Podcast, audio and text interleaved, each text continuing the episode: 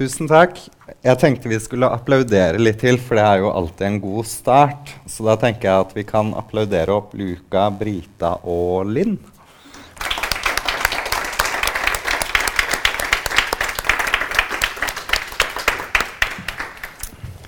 Vi skal snakke om begrepet skeiv i dag. Men uh, vi tenkte at vi skulle begynne med et lite begrepsverksted. For nå er jo dette brukt som et paraplybegrep og rommer veldig mye forskjellig. Eh, og så er det litt typisk at vi kan bruke litt stammespråk og forkortelser fordi det er, har blitt noen bokstaver da, som vi snakker om.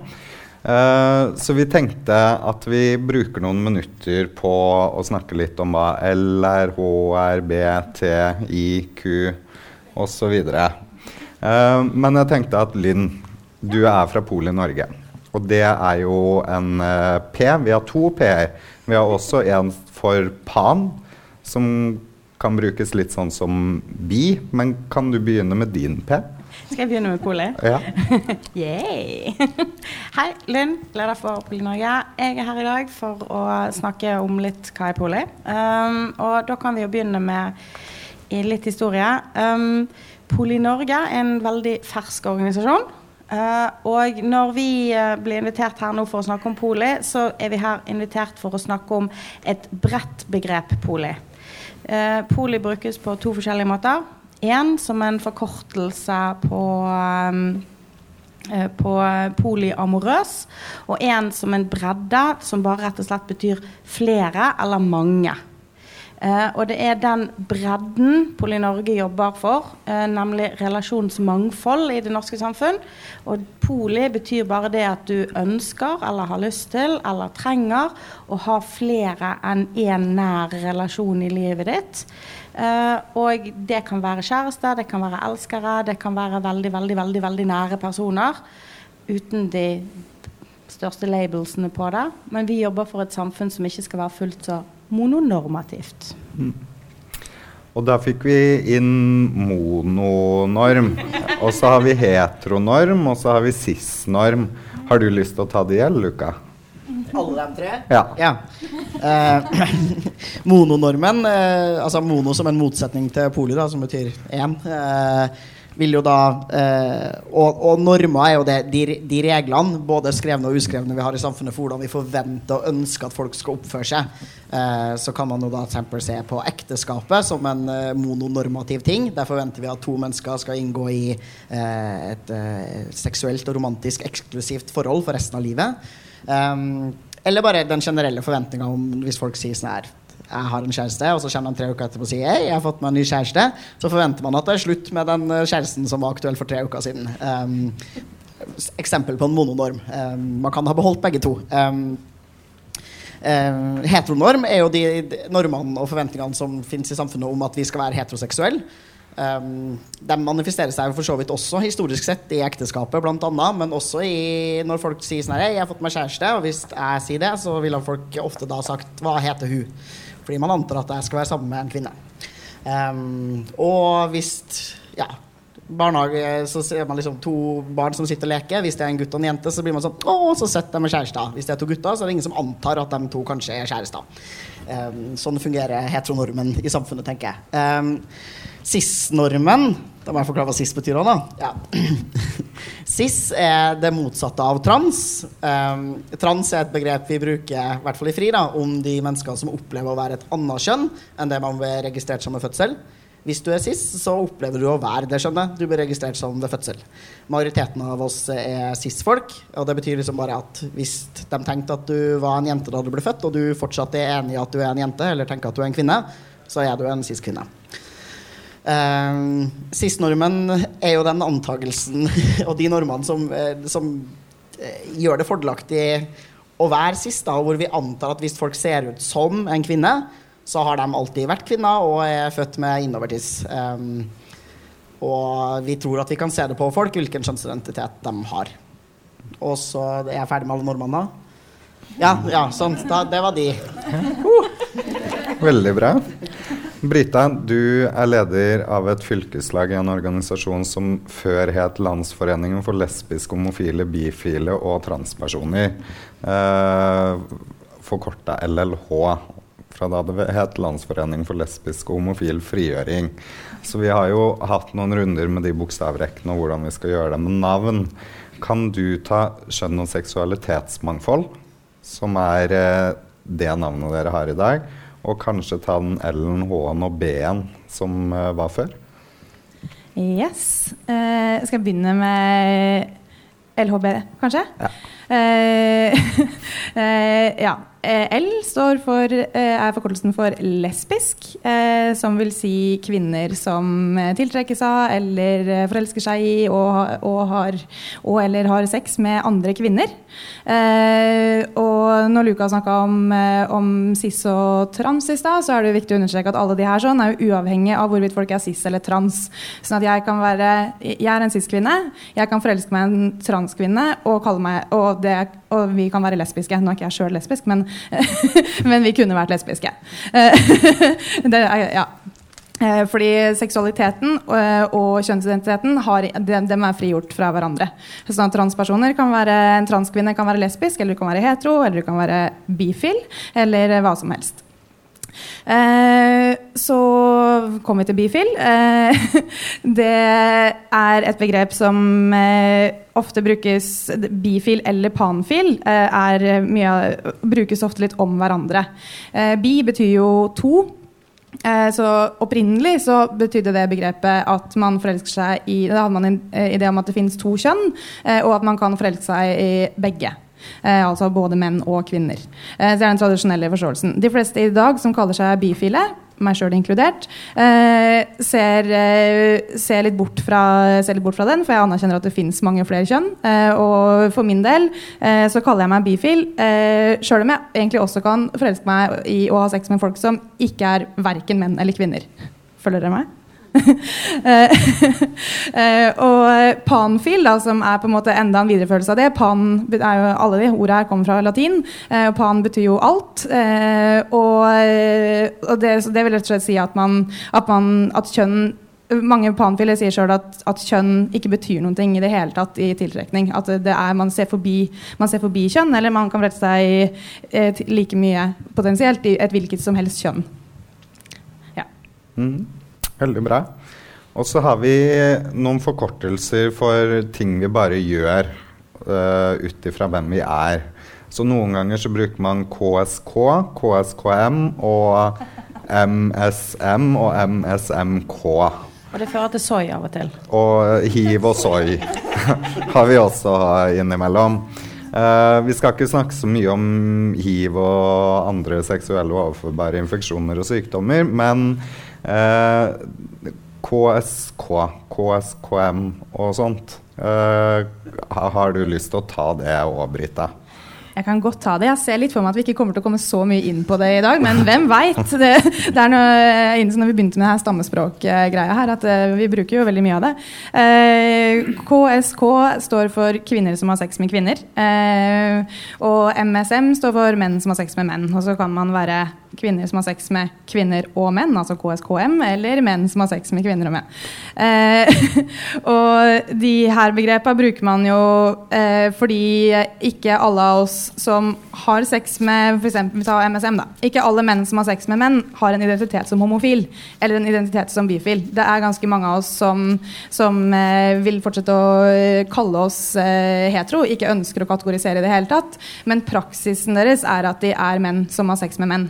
Og når vi snakker om det, så er det ofte i forbindelse med Særlig i forbindelse med seksuell helse.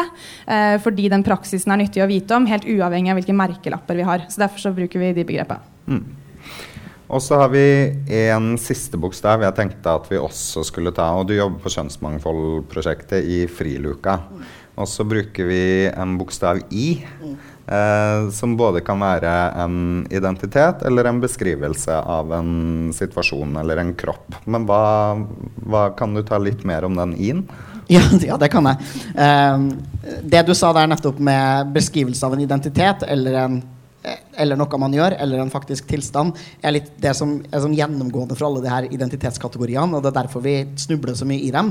Fordi de både er liksom definerte størrelser, men de er også ting folk kaller seg, og så er vi aldri helt enige, og det er alltid litt sånn utvikling. Um, og det er helt fint, det er ikke noe problem, det kan bare framstå som litt forvirrende. Men uh, i møte med enkeltmennesker så tenker jeg at det er alltid viktig å si at folk har lov til å kalle seg akkurat det de vil. Det er sant for dem. Og hvis du lurer på hva noen mener med akkurat sin identitetskategori, så kan man spørre den, liksom, den enkelte om det. Uh, ja. Bare så det er sagt. Men ja. Eh, inter eh, er en forkortelse av eh, det engelske begrepet intersex, eller oversatt til norsk interkjønn. Og er ment å skulle benevne de av oss som har kropper som skiller seg fra det legevitenskapen har definert som mannskropper og kvinnekropper. Dvs. Si kropper som har en uvanlig sammensetning av ytre og indre genitalia, kromosomer og eller eh, kjønnshormoner i kroppen sin. Um, og det er bare en sånn begrep for å, for å, også for å tydeliggjøre at det finnes et litt større mangfold også fra naturen sin side når det kommer til det her konseptet skjønn. Da. Det er ikke så enkelt og todelt som vi er glad i å tenke. Mm. Og så kan det jo være greit Ah, Ikke-binær? Ikke-binær, ja. Ja, for det sa, ja, det, det sa du jo. Du nevnte jo ikke-binær i stad, men det er det jo greit å vite hva er. Ja. Um, altså, for de av oss som er trans, er det mange som er enten kvinne eller menn. Men det finnes også en del transpersoner som ikke opplever å være enten bare kvinne eller mann. Uh, og da kaller man det for ikke-binær. Uh, og binær betyr liksom på ytterpunktene her. Uh, så ikke-binær vil da romme mennesker som tenker at de er både kvinner og menn. Verken kvinner eller menn, eller som bare syns at kjønn er en, en sånn tøyseting som ikke er noe relevant for deres liv i det hele tatt. Um, ja vi kan, vi, det går an å synes at kjønn er en tøyseting uten å være ikke-binær. Jeg syns at kjønn er en tøyseting sånn. Men jeg er. Ja. Og så er det jo sånn at man kan være flere av disse bokstavene på en gang. Også, det er ikke sånn du må velge én bokstav, og så må du utelukke resten. ikke sant? Og så personer som identifiserer seg som, eller som ikke identifiserer seg som, men beskriver kroppen sin med dette interbegrepet, eh, vil jo også mest sannsynlig ha en seksualitet da, som man nå ønsker å beskrive med et annet begrep. Um, men vi skal snakke mer om skeiv og queer.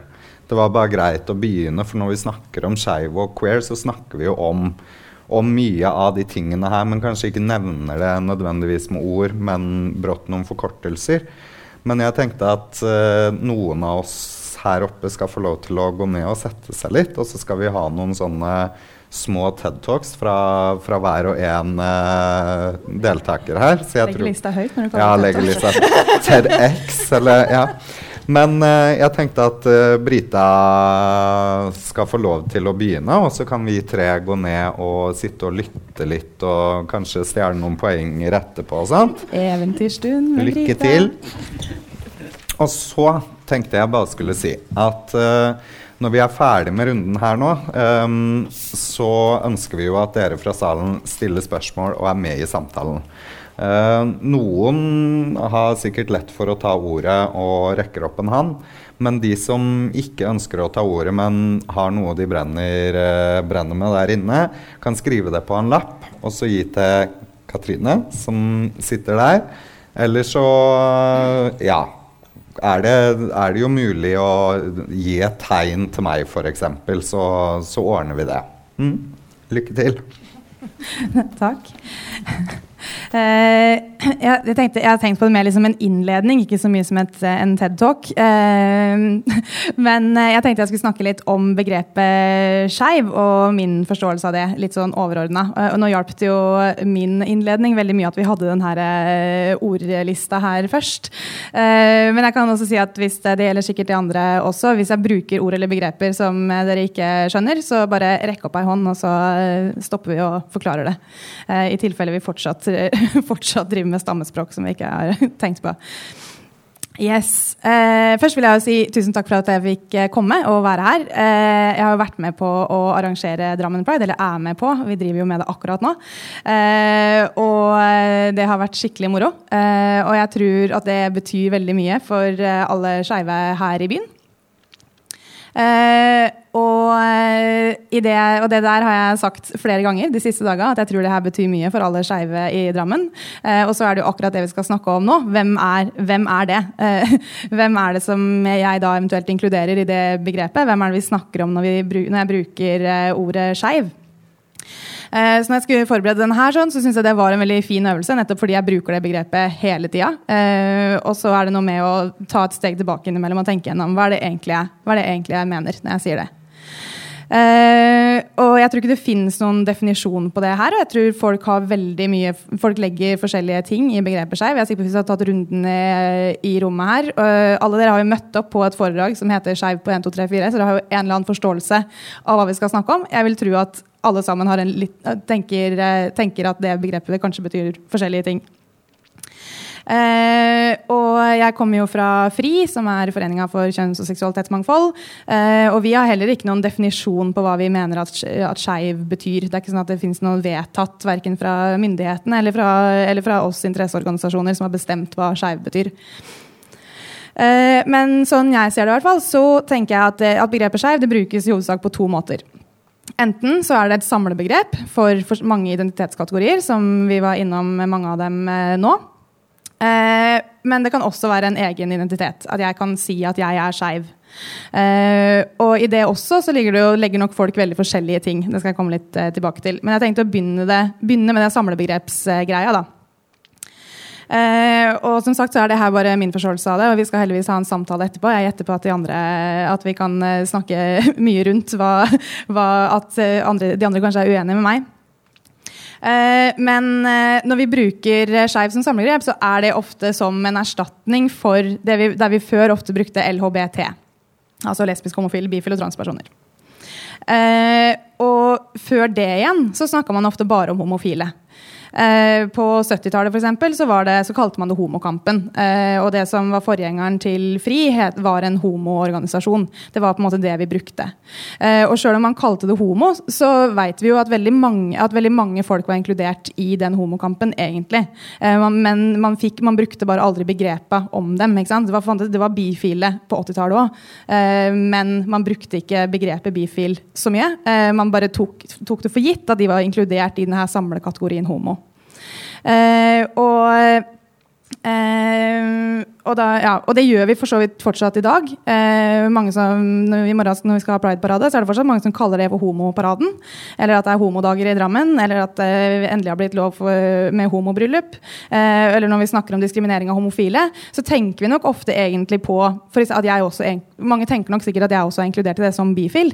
men men i ordet så er jeg jo ikke det. Man sier jo bare homo.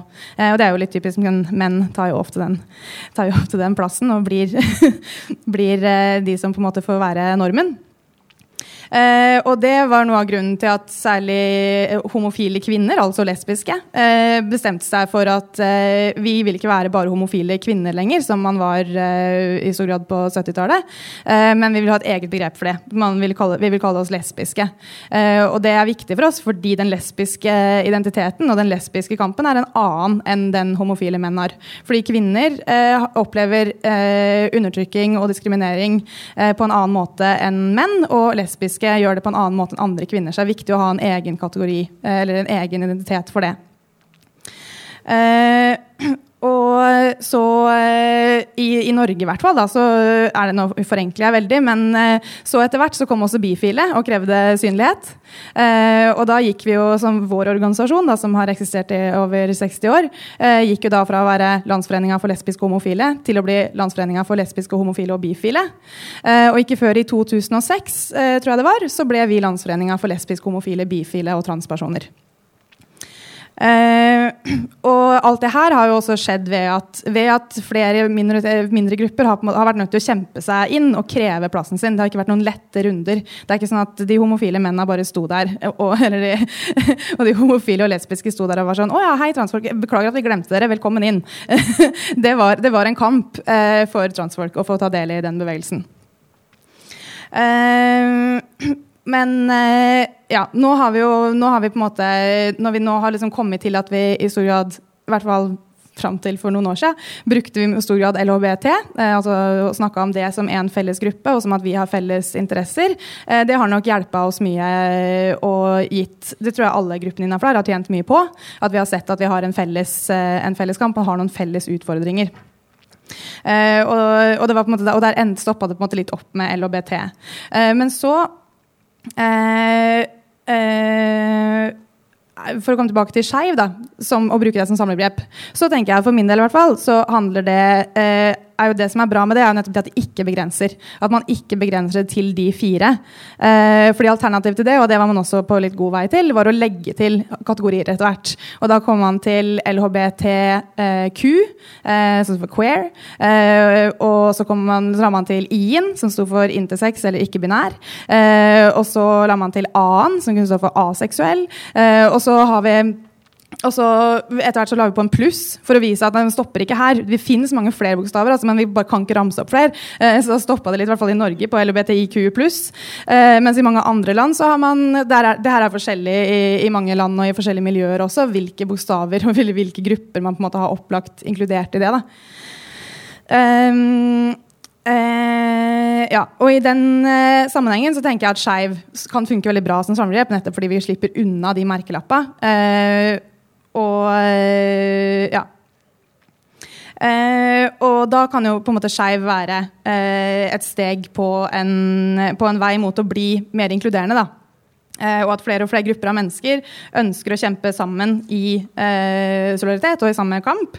Eh, eller at når vi snakker om grupper og skal beskrive det, så beskriver vi kanskje noen felles problemer eller noen felles utfordringer vi har.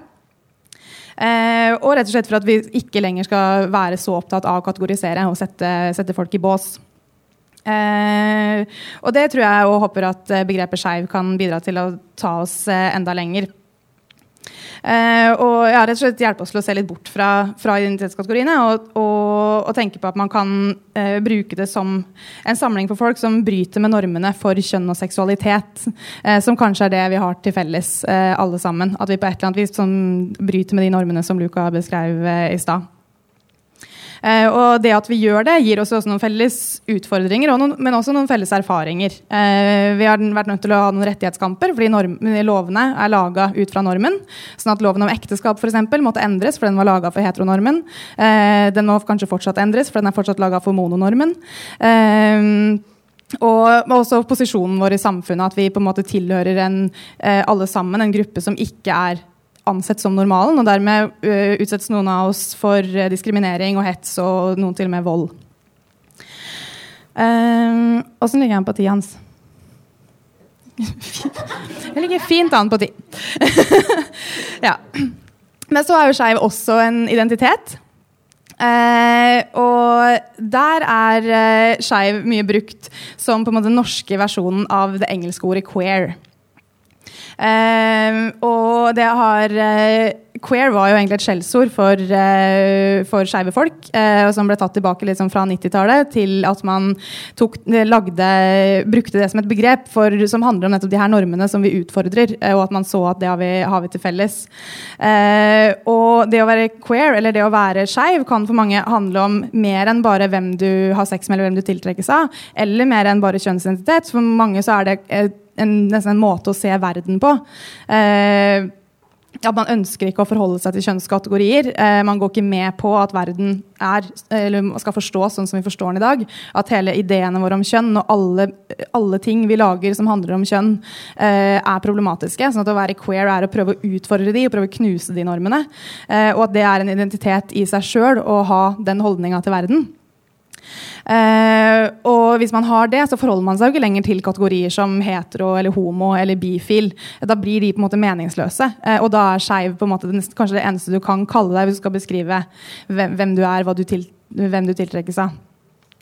Men jeg tror ikke at alle som bruker skeiv for å beskrive seg sjøl, eh, forstår det sånn, eh, eller tenker sånn. Eh, for jeg tror også veldig mange bruker bare skeiv fordi man kanskje ikke er komfortabel med å kalle seg lesbisk, eller har lyst til å si til at det føles litt sånn gammeldags eller litt rart nesten, og så skulle si sånn her Hei, jeg er bifil. Eh, da er det lettere, når noen spør, da, så er det lettere å si ja, men jeg er skeiv. Eh, fordi da veit ikke folk hva det er. Fordi det er hele den samlekategorien. Og at folk på en måte bare identifiserer seg med at jeg tilhører denne gruppa av oss som bryter med normer for kjønn og seksualitet. Eh, og derfor er jeg, er jeg skeiv, eh, og du slipper å definere det noe mer. Eh, så tenkte jeg bare avslutte med å si noe om at det er jo noen utfordringer med, med det begrepet her. Det er ikke alle som, eh, som liker det. Eh, og det kan jo for, for oss i FRI, da, for eksempel, som ikke har lyst til å bruke LHBT så mye, nettopp fordi det, fordi det ekskluderer fort mange. og jo sjøl om man inkluderer og lager den ordlista lenger og lenger, så vil du alltid ekskludere noen som man ikke kanskje ønsker å ekskludere.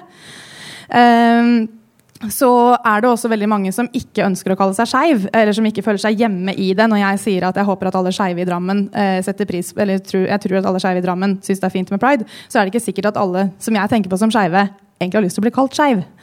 Eh, noen tenk, har, kanskje, har, en veldig identitet som homofil, eller som lesbisk, eller som transperson, eh, f.eks. Eller bifil, eller hva som helst. Eh, og jeg tror, og skeiv er jo også, på samme måte som queer, er jo også et litt sånn gammelt skjellsord. Eh, og det kan man jo si at det er kult at man prøver å ta tilbake. På samme måte som at homofile menn kaller hverandre homser, eh, sjøl om homse egentlig er et skjellsord. Eh, så har man på en måte tatt skeiv tilbake. Det tror jeg ikke brukes så mye som et skjellsord nå. Eh, men for noen så har jo det kanskje vært en del, av, en del av livet at det har vært et kjipt ord som man har fått slengt etter seg på gata. Eh, og, og, så er det jo en del som er uenige i det jeg snakka om i stad. Den forståelsen med om at vi må fjerne alle bokser, vi må fjerne alle kategorier. Syns det er problematisk. Eh, og mener at det er på en måte en, at det er en ideologi eller en teori om hvordan verden er som man ikke er enig i. Man ser ikke verden sånn, og da blir også skeiv vanskelig å bruke. Eh, og så tror jeg også det handler om at en del folk er rett og slett opptatt av å beholde sine identitetskategorier. Eh, og som jeg om i sted, For lesbiske kvinner så var det viktig å etablere lesbisk som begrep for å synliggjøre kvinner. Eh, og for mange lesbiske er det fortsatt viktig. Eh, som et eksempel. Eller for bifile så kan det være viktig å huske på det. Eh, fordi at Noen ganger så trenger vi også å synliggjøre noen grupper som ofte glemmes. Uh, og det er, den, det er, det jeg ser på som kanskje den største utfordringa med skeiv. At jeg er litt redd for at det fort på en måte bare blir den nye homo. Eh, at vi, fordi vi, vi, har så forskjellige forståelser av det. Og hvis, og hvis jeg sier skeiv, så er det nok mange som bare tenker homofile og lesbiske fortsatt. Eh, Sjøl om når jeg, når, kom, når jeg, sier det, så tenker jeg at jeg da inkluderer veldig bredt. Eh, så er det nok veldig mange som fortsatt bare tenker på de kategoriene man kjenner best til, eller de gruppene man kjenner best til. da. Uh, og uh, ja, og da tenker jeg at, det, at, vi kan gå i fella. Da, at det her bare blir et nytt ord som, som vi bruker som samlekategori. Og så, ja, så, har vi glemt de som ofte glemmes uh, uansett. Ja. Og så tror, tror, jeg særlig den største utfordringa der, sånn jeg ser det, eh, eller i dag i hvert fall, sånn jeg ser det brukes, så tror jeg særlig at, liksom, kjønn, at kjønnsskeive er de som blir glemt der oftest. Eh, tenker, Det ser jeg ofte at man snakker om skeive og transpersoner. Eh, og dermed har man jo fjerna transpersoner fra den gruppa skeiv. Så man snakker bare om da tenker man jo plutselig at skeiv, da betyr det eh, seksualitet. Eh, og så er det også transpersoner, og det er på en måte noe annet. Og da funker det jo ikke sånn som jeg ønska å bruke det. Eh, da, har man, da, har jo ikke de jeg ønska å inkludere når jeg sa det, blitt forstått av mottakeren. Eh, ja. Men så, ja. Det blir litt sånn ord, ordsamtale, eller i hvert fall min innledning ble litt sånn ordete. Eh, men jeg skal gi meg der. Tusen takk, Brita. Jeg tror vi bare går på neste, ja, Linn?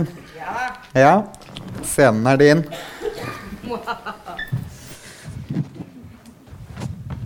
Hei igjen. I'm back. Um, jeg er her i dag for å uh, fortelle dere hvorfor poli er en del av begrepet skeiv. Uh, sett fra min, mitt ståsted. Jeg har skrevet noen sånne litt sånn notater underveis her. Hashtag skeiv nok og litt sånn forskjellige koselige ting. Uh, men jeg har lyst til å begynne med Jeg var så heldig at jeg var og hørte på, på en veldig flott person i går nede i Arendal. Uh, grand old person of transgender, uh, uh, Espen Ester Prelli, som omtalte seg sjøl som kjønnskreativ. Jeg syns det var et veldig fint ord. som jeg har lyst til å liksom bare Ja, det har jeg lyst til å utvide. for min del til relasjonskreativ. Og for i en fremtid et håp om at folk kan få lov til å være akkurat så identitetskreative som de har lyst til. Uh, og at det med skeiv kan få lov til å inkludere alle viktige aspekter av en persons kjærlighetsliv, seksualliv og identitet. Um, sånn som jeg ser skeiv, så ser jeg det litt i tre kategorier. Når vi igjen er inne på det der med å dele. Men jeg ser veldig tydelig at legning handler om hvem jeg er glad i. Mens uh, kjønnsidentitet handler om hvordan jeg er glad i meg. Og poli i dette, eller relasjonsidentitet, da blir hvordan blir jeg glad i andre? Og alt det handler om det å bli glad i. Alt det handler om hvordan, hvem og hvordan man bryr seg om de som er rundt seg, som er nær. Derfor syns jeg at alle de henger så fint sammen. Uh, innenfor hvordan så tenker jeg også at uh, der kommer det en fin dame og snakker litt mer etterpå, uh, som tar med seg BDSM. Hun dukker hun ned bak her hun er kommet. Yes. Um, når det kommer til 1, 2, 3, 4 skeiv, eller hva var tittelen igjen? Skeiv på 1, 2, 3, 4. Cirka. Arild godkjente den så tenker jo jeg det at um, vi har veldig langt igjen å gå for den inkluderingen som foregående taler snakket så veldig fint om. Um, vi har et godt stykke igjen å gå når mange av oss som regner oss som skeiv og stolt av det, blir spurt om innenfor et skeivt miljø hva gjør dere her? Eh, trodde vi var kvitt dere for mange år siden.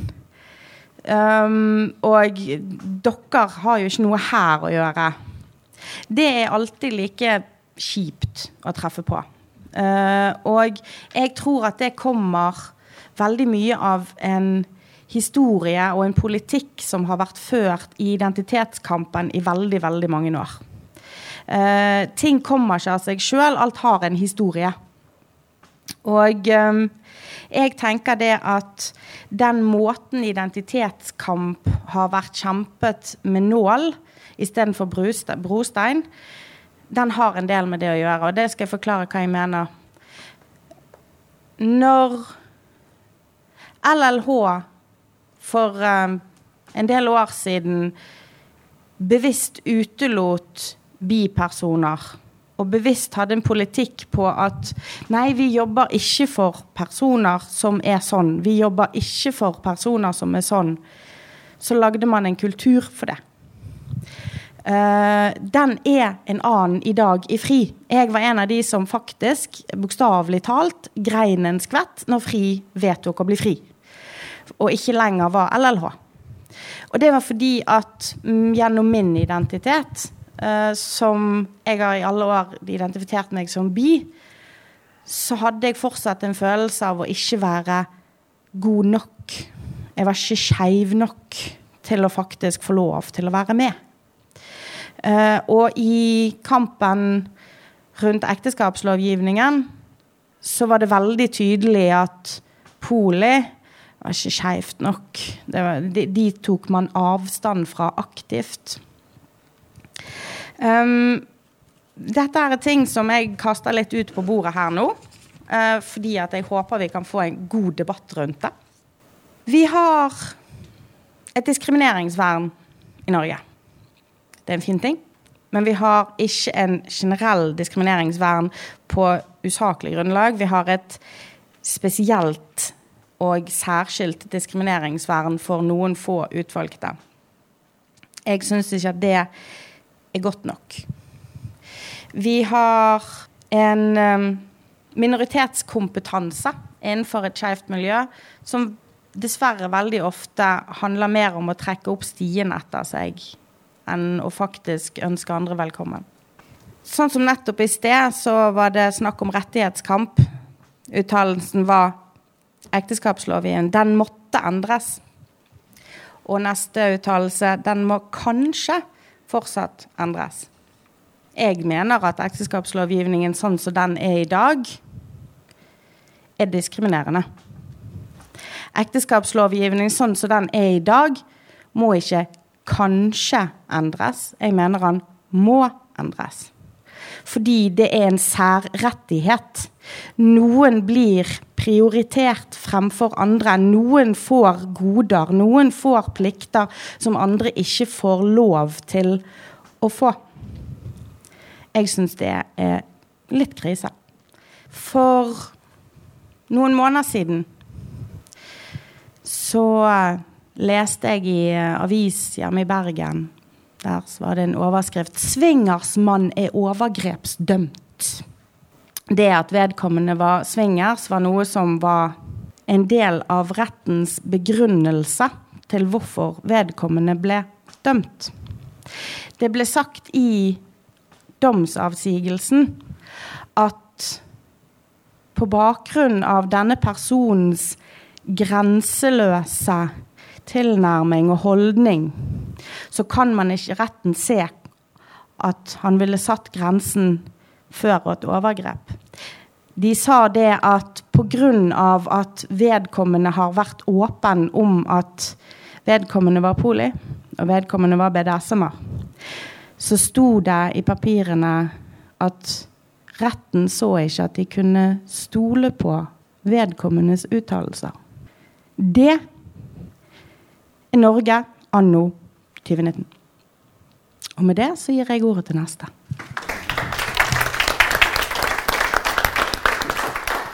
Tusen takk, eh, Linn. Uh, Luka fra FRI ja. og prosjektet Kjønnsmangfold, vær så god. Uh, ja, takk. Jeg var litt usikker på om jeg skulle ha powerpoint eller ikke.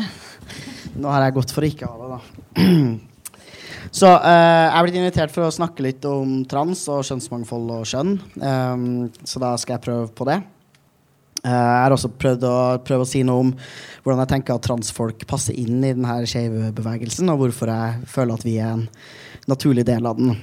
Um, ja. Så um, jeg tenker at Historisk sett så virker det som om de aller fleste kulturer over hele verden og til alle tider har drevet med inndeling av folk i kjønn. Stort sett har det vært i eh, kategoriene kvinner og menn, med noen hederlige unntak eh, for kulturer opp gjennom tida og også nå, som har eh, tilgang til og mulighet for flere kjønnskategorier. De aller fleste kulturer har også valgt kroppen som grunnlag for inndeling i kategorien kvinne eller mann. Så man har tenkt at de av oss som har penis, er dem som er menn, og de av oss som har vulva, er dem som er kvinner. Det skal dog nevnes at eh, der også finnes det unntak, eh, hvor man har kulturer som er mer opptatt av f.eks. hvem du forelsker deg i, eller hva slags type arbeid du utfører eller liker å utføre, eh, og at du på bakgrunn av det blir kategorisert som enten kvinne eller mann. Og så har vi i Norge i dag, da, så plukker vi opp babyer når de blir født, og så titter vi på genitaliene deres, og så tenker vi at de er gutter eller jenter. Og på bakgrunn av det så forventer vi en lang rekke med ting fra de her eh, barna. Eh, vi forventer at de først, Hvis du har utovertids, for eksempel, så forventer vi først at du skal tenke at du er en gutt, og at du senere skal tenke at du er en mann. Og så har vi noen ideer om eh, noen former for maskulin atferd som du skal drive på med. Og så har vi også en distinkt forventning om at du skal forelske deg i, ha lyst til å ha sex med og, og gifte deg med um, en kvinne. Men um, det har, altså, de her normene og forventningene til hvordan kjønn skal være, har alltid vært i forandring og er alltid i forandring. Og de er også skapt av oss kollektivt. Det at de skapes av oss kollektivt, eh, gir oss en fantastisk mulighet til å endre dem. Eh, og jeg tenker at vi burde endre dem fordi de er begrensende eh, overfor enkeltindivider. Det finnes eh, mennesker som ikke har lyst til å gjøre det som forventes av dem, og som allikevel føler seg tvunget inn i å gjøre det, eller som blir møtt med liksom, sanksjoner. Eh, det har blitt nevnt her liksom, alt fra å ikke være inkludert i lovverk til å føle seg annerledesgjort eller å liksom, eh, bli utsatt for vold. Så heldigvis så har det alltid funtes det vi nå, nå godt kan kalle for kjønnskreative mennesker. Eh, altså folk som ikke har funnet seg i den umiddelbare tildelinga av kjønn eller de forventningene som fører med. Det har alltid funtes kvinner som har villet gå i krigen, eh, menn som har forelska seg i andre menn, eh, folk som ikke har hatt lyst til å gifte seg eller få barn, og kvinner som har gått i dress. Og det her har vi liksom historiske rekorder av fra old, altså hele jordkloden til alle historiske tider. Det finnes, og har alltid funtes, mennesker som aktivt også går inn og lever i samfunnet som et annet kjønn enn det de i utgangspunktet ble registrert som. Og legg merke til at jeg sier at folk blir registrert som eller tildelt kjønn. Jeg tenker ikke at folk i utgangspunktet er et kjønn. Når vi sier at et menneske er kvinne eller mann, så er det en sosial handling. Kroppen i seg selv sier ikke at folk er kvinner eller menn. Det er ganske sånn queert å si, da. ja. Derfor så tenker jeg at um, den skeive kulturen og det vi tradisjonelt sett kanskje liksom har sett på som homokampen, alltid har inkludert eh, transfolk. Vi har alltid befunnet oss i denne skeive bevegelsen. Fordi ja, det er jo glidende overganger, og jeg kan ikke liksom bruke begreper vi bruker i dag om mennesker som har levd i fortid, fordi de ikke nødvendigvis forsto seg selv sånn, eller ja, jeg kan ikke vite hva som foregikk inni hodene til mennesker eh, for 100 år siden. Men eh, um jeg tenker at det vi i dag forstår som transfolk, har alltid funtes i den skeive bevegelsen. Og så vil det jo være eh, andre måter å kunne leve ut det på i dag enn det det var for, for 200 år siden. Eh, jeg er f.eks. en transmann, som betyr at jeg er eh, mann i min kjønnsidentitet, og jeg ble registrert som kvinne da jeg ble født. I dagens samfunn så har jeg mulighet til å motta medisinsk behandling som gjør at kroppen min ser ut som det mange gjenkjenner som en mannskropp. Jeg har mulighet til å endre mitt juridiske navn og mitt juridiske kjønn, Um, og jeg kan gå ut i verden og si at jeg er en mann. For 200 år siden så ville jeg ikke hatt de samme mulighetene, og dermed ville jeg nok vært nødt til å leve kjønn på en annen måte enn det jeg gjør i dag. Og så tenker jeg, når vi snakker om de her forventningene da, til hvem vi skal være, um, så er det sånn at selv om kjønn og seksualitet er to forskjellige ting, og jeg som eh, transmann kan være både homo, hetero og bifil Jeg har valgt å være bifil, da, for jeg tenker at det er best, men det det var lov å si. ja da. Nei, men eh, Så selv om eh, kjønn og seksualitet er, er, to forskjellige størrelser, og det å ha en kjønnsidentitet er noe vi alle har, og alle har en eh, seksuell orientering, og de to har ikke noe med hverandre å gjøre, så, så henger de allikevel sammen. Um, når vi antar at noen er heterofil, som vi ofte gjør, så antar vi også noe om kjønnet deres. Hvis noen antar at jeg er heterofil, så tenk, må man tenke at jeg er kvinne eller mann. Ellers gir ikke kategorien heterofil mening. Hvis du ikke klarer å plassere noen som kvinne eller mann, så kan du heller ikke forestille deg på hvilken måte de skulle vært heterofile. Det gjør også, eh, når vi kategoriserer veldig mye homo-hetero, så gjør det at ganske mange transfolk, spesielt binære transfolk, altså folk som eh, enten har identitet som kvinne eller mann, også har en erfaring med å bli forstått som eh, homofil eller lesbisk en gang i løpet av livet sitt. La oss si at jeg var en heterofil mann for øyeblikket her nå så er det jo sånn, da ville jo jeg forelske meg i kvinner. Så er det jo sånn at eh, siden jeg ble forstått som kvinne da jeg var barn, så ville man da forstått meg som lesbisk. Helt selv om jeg forelsker meg akkurat de samme menneskene nå som det jeg gjorde da, så er denne kategoriseringa av våre seksuelle orienteringer ikke bare en kategorisering av hvem vi forelsker oss i og har lyst til å ligge med, men også av vårt kjønn. Ellers hadde vi kalt både heterofile menn og lesbiske kvinner for damelikere. Det kaller vi dem ikke. Vi har to forskjellige kategorier for det, basert på om du er kvinne eller mann. Eh, og det her er sånn som jeg tenker at det er interessant å se hvordan kjønn og seksualitet, som to uavhengige størrelser, allikevel er kobla sammen i vår verden. Og de er også kobla sammen i vår eh. Altså våre ideer og forestillinger om hvordan kjønn og seksualitet fungerer. Vi, eh, hvis en mann går nedover gata, og noen roper 'jævla homo' etter han, og han har gått alene nedover den gata, så er det noen som har antatt at han er homofil uten at han har drevet og hatt sex eller aktivt forelska seg i det øyeblikket. Man gjør den antakelsen på bakgrunn av hvordan han gjør sitt skjønn. Vi ser f.eks. det vi tenker på som en feminin mann, og så antar vi noe om hans seksuelle orientering. En annen måte hvor skjønn og seksualitet for oss faktisk er kobla i hjernen vår. Så vi tenker at ok, der er det en liten fyr uh, som går i barnehagen, han er veldig glad i å gå i kjole. tenker vi, Han kommer sikkert til å bli homo når han blir stor. Som om det å forelske seg i menn og like kjoler er kobla på noe vis. Det er det jo ofte ikke, da. Det kan være det, men uh, ja. Det her synes jeg, ja, jeg syns det her er veldig, veldig spennende greier. Men, men eh, det som blir enden på visa for meg, da, er at det å være homo eller bifil eller lesbisk eller panfil eller på andre måter ha en skeiv seksualitet, handler om at du faktisk bryter med noen kjønnsnormer. Fordi det er bare menn som blir forventa å skulle forelske seg i kvinner. Kvinner blir ikke forventa å gjøre det. Så det henger sammen med kjønnet ditt. Og det å være seksualitetsskeiv er også et brudd på kjønnsnormer. Eh, transfolk eh, vi bedriver jo aktivt veldig opplagte brudd med kjønnsnormer, så jeg trenger kanskje ikke å forklare hvordan vi er, gjør noe annet enn det som er forventa av kvinner, eh, kan du jo si, med mitt liv. Og så tenker jeg at det eh, i hvert fall lesbiske, homofile, bifile og transpersoner eh, har til felles, eh, og også andre skeive, er um, at man opplever nok en tilhørighet til et slags liksom, utenforskap i verden. Man er aldri inkludert i eksemplene i læreboka på skolen eller i filmer på TV eller i lovverket eller i liksom, den generelle samfunnsfortellinga, så er vårt liv ofte ikke der i det hele tatt. Man er eh, historisk sett, og i mange land fortsatt, eh, utsatt for eh, eh kriminalisering av identitet eller praksis det har vært kriminelt i Norge å ha på seg andre klær enn det som er liksom typiske manneklær eller kvinneklær når du er mann eller kvinne. Eh, det har vært ulovlig å ligge med noen som har samme kjønn som deg selv, osv. Eh, det er også svært mange av oss i den skeive som har opplevd at identiteten vår eller praksisen vår nå eller tidligere har vært eh, en psykiatrisk diagnose.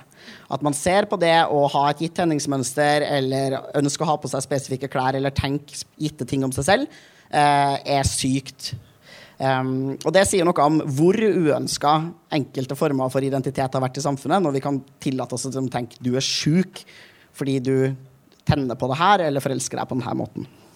Det var egentlig bare det jeg skulle si om uh, hvordan jeg tenker at kjønn og seksualitet henger sammen, da, og hvorfor jeg som transperson uh, opplever å være en veldig naturlig del av den skeivebevegelsen, men også en del som har blitt usynliggjort gjennom en mainstreaming, eller liksom at man har Minoriteter må alltid kjempe for rettighetene sine i en majoritetsverden. Så vi er alltid avhengig av majoriteten sin goodwill og sin forståelse. og liksom sånn, De er nødt til å synes godt om oss. da. Og Det gjør at vi dessverre en del ganger har modifisert våre historier og våre liv og våre fortellinger om oss selv for at det bedre skal passe inn og være liksom spiselig for majoriteten. Og det har ført til eh, at jo lenger unna normen du kommer, jo mer marginalisert og usynlig har man på en måte blitt da, i den skeive. Og det tenker jeg at eh, vi aktivt i de siste årene har jobba liksom, med å røske opp i. Og det håper jeg vi skal fortsette med, og tenke at det fins ikke noen måter å være skeiv på som er bedre eller bedre enn andre. Og de er i hvert fall ikke bedre hvis de er liksom nærmere opp til det som er normen. Um, ja. Da takker jeg for meg. Tusen takk, Luka. Uh, vi har fått uh, en ny person uh, hit til Drammen. Velkommen, Karina. Karina kommer fra organisasjonen Smil Norge, som vi snart skal få høre mer om. veldig fint at du kom. Nå blir vi jo bedre kjent med deg. Og så tar vi en samtale etter at Karina er ferdig.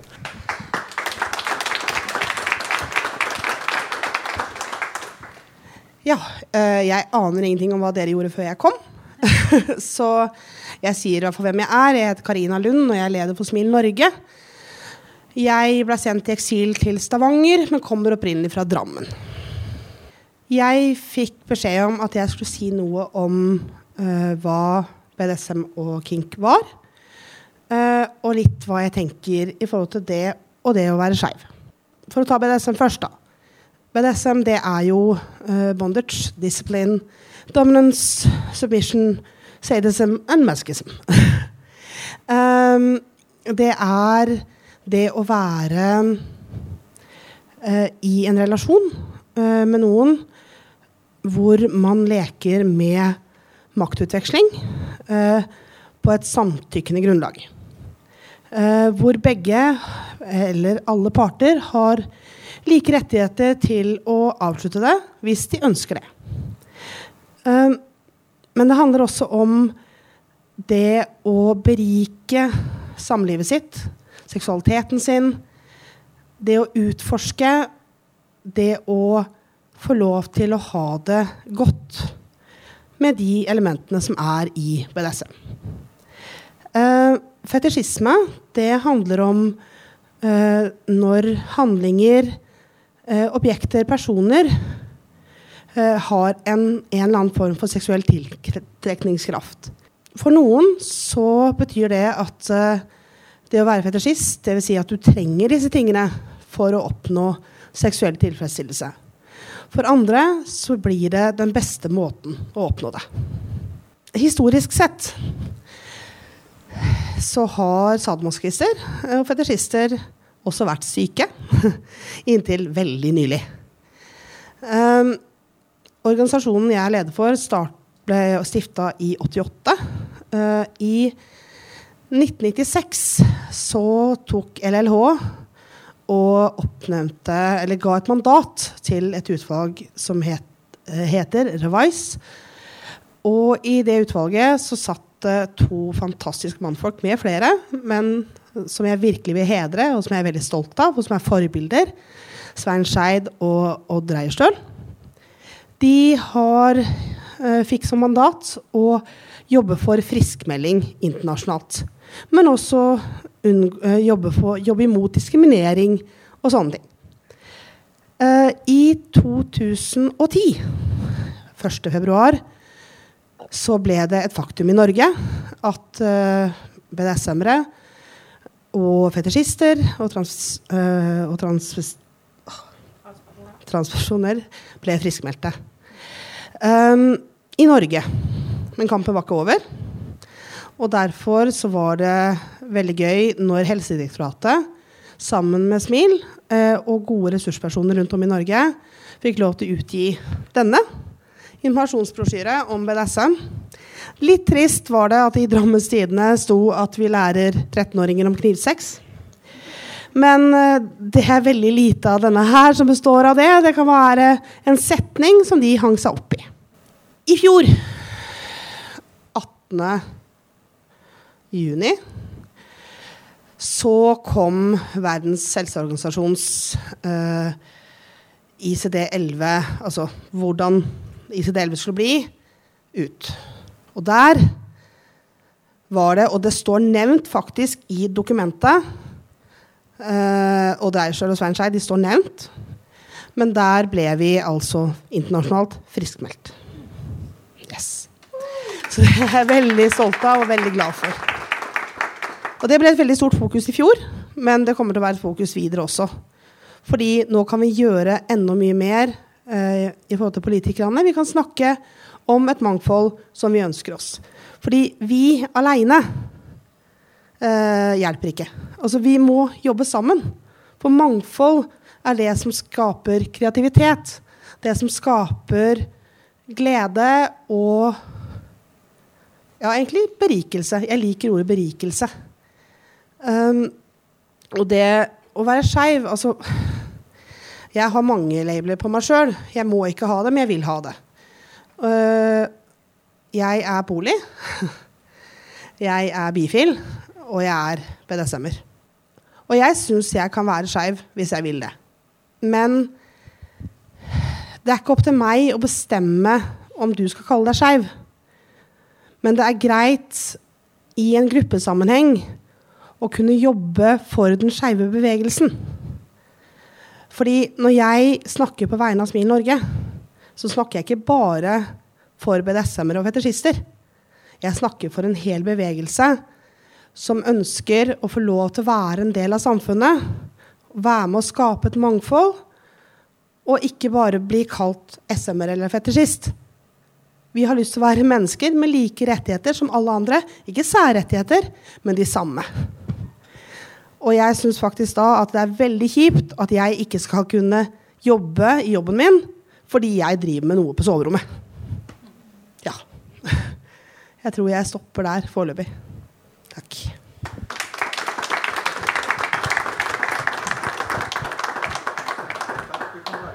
Uh, nå skal vi ha en uh, samtale, men dere må jo gjerne være med i samtalen, dere i publikum.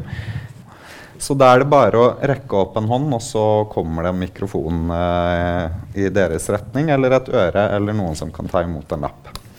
Jeg har gjort meg en, en, god del notater som Jeg hadde jo egentlig noen notater fra før, men jeg tenkte jeg bare skulle si én ting. Og Karina, du hadde helt riktig når du begynte på transvestitter. De ble friskmeldt i 2010 men ikke transpersoner. Nei, så du sa helt riktig, eller var på vei til å si riktig. Skrive, det er et ord som kan henge seg i munnen på de fleste. Altså transvesti transvestit. Ja, det er, ja, det er veldig vanskelig. Men uh, vi fikk jo enda flere ord som vi ikke forklarte under begrepsverkstedet. Uh, og nå fikk vi jo et til som, som kan være greit. Og da, det som ble friskemeldt, var jo å ha et juridisk kjønn å like å kle seg i et annet kjønn uten at det nødvendigvis hadde noe med identiteten. Eh, så en sånn kjønnslek som man gjorde i barnehagen og fortsatt gjør mye av, var da en sykdom fram til 2010. Um, og det er jo noe av det vi har til felles, er jo å, ha vært en sykdom. Uh, bortsett fra poli. Det har vi liksom glemt å, å sykeliggjøre. Nå ja. Uh, hvorfor Nå, det? Ja.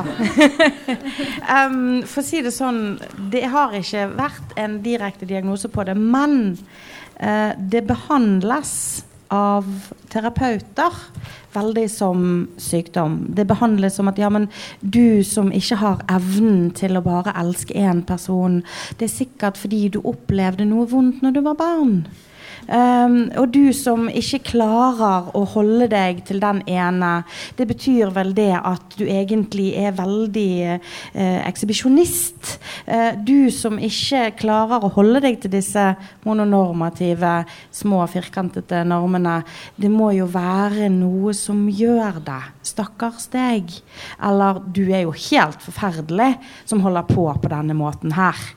Så sykeliggjøringen uten labelen og uten diagnosen er absolutt til stede. Det er bare til å åpne omtrent en hvilken som helst samlivsspalte. Spesielt uh, skal ikke si navnet. Um, en liten Frode! Ja. Um, så, så, kan vi alltid se på sykeliggjøringen. Uh, selv om ikke det er spesifisert i en diagnose. Mm. Uh, vi skal hoppe litt. Uh, for det var et par stykk her som har vært inne på det å inkludere. Uh, og så har det blitt nevnt forventninger og normer. Og så tenker jeg at er det sånn at vi egentlig ønsker å bli inkludert i et sånn heterofilt storsamfunn, eller på, på hvilket grunnlag skal det skeive bli inkludert?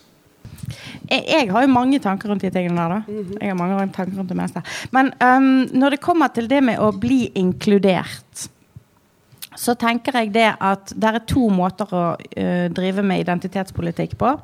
Den ene er en tynn nål inn i normalboblen eh, som handler om assimilering. Eh, nå skal du være Du er så lik oss at du kan få lov til å være med i OSSE, men disse andre de må vente utenfor. og så stiller alle seg i en veldig veldig, veldig, veldig, veldig lang kø på å komme inn den bitte lille nålehullet i, i, i, i, porten der på hva som er innenfor og utenfor. Og så blir det masse krangel i køen. fordi at ja, men nå er det min tur. Nå, nå er det meg som er viktig. Nå er det min identitet som er viktig, og nå, nå, nå, nå vil jeg være med i storsamfunnet. Istedenfor å Og når man har den typen nål inn i normalen, eh, så blir det veldig sånn at da er det ikke plass til de som ikke passer helt inn i det bildet. Og så har man en annen måte, det er mursteinen, eh, med å rett og slett bare delge normalen i hodet med en murstein og si det at nei, eh, vi er et mangfold, og det er det vi har lyst til å være. Vi har ikke lyst til å være akkurat som dere. Vi har ikke lyst til å være normal. Vi har ikke lyst til å bli inkludert i det normale. Men vi vil ha respekt for at vi er vi. Og det er to måter å gjøre det på. Karina? Ja, altså um normalbegrepet det har irritert meg siden jeg var jentunge. Men det kan være at jeg er fordi jeg kommer fra Drammen. Men um, altså Det å være normal for meg, det er min måte å være på. Det er min normal. Uh, det vil si at for meg så er det andre som er unormale. Uh, og derfor så, så syns jeg det å Jeg har ikke noe lyst til å være som alle andre. Eh, jeg har lyst til å være en del av noe større. Hvor man ikke har en tydelig normal, men man har dette mangfoldet som vi snakker om. Fordi hvis, bare, hvis man skal gå inn én og én, så kommer vi ikke til å være ferdig før om hundrevis av år. Og det, det har vi ikke tid til. Pga. global oppvarming. ja. Det er bra. Da fikk du litt miljø inn her òg, Luka.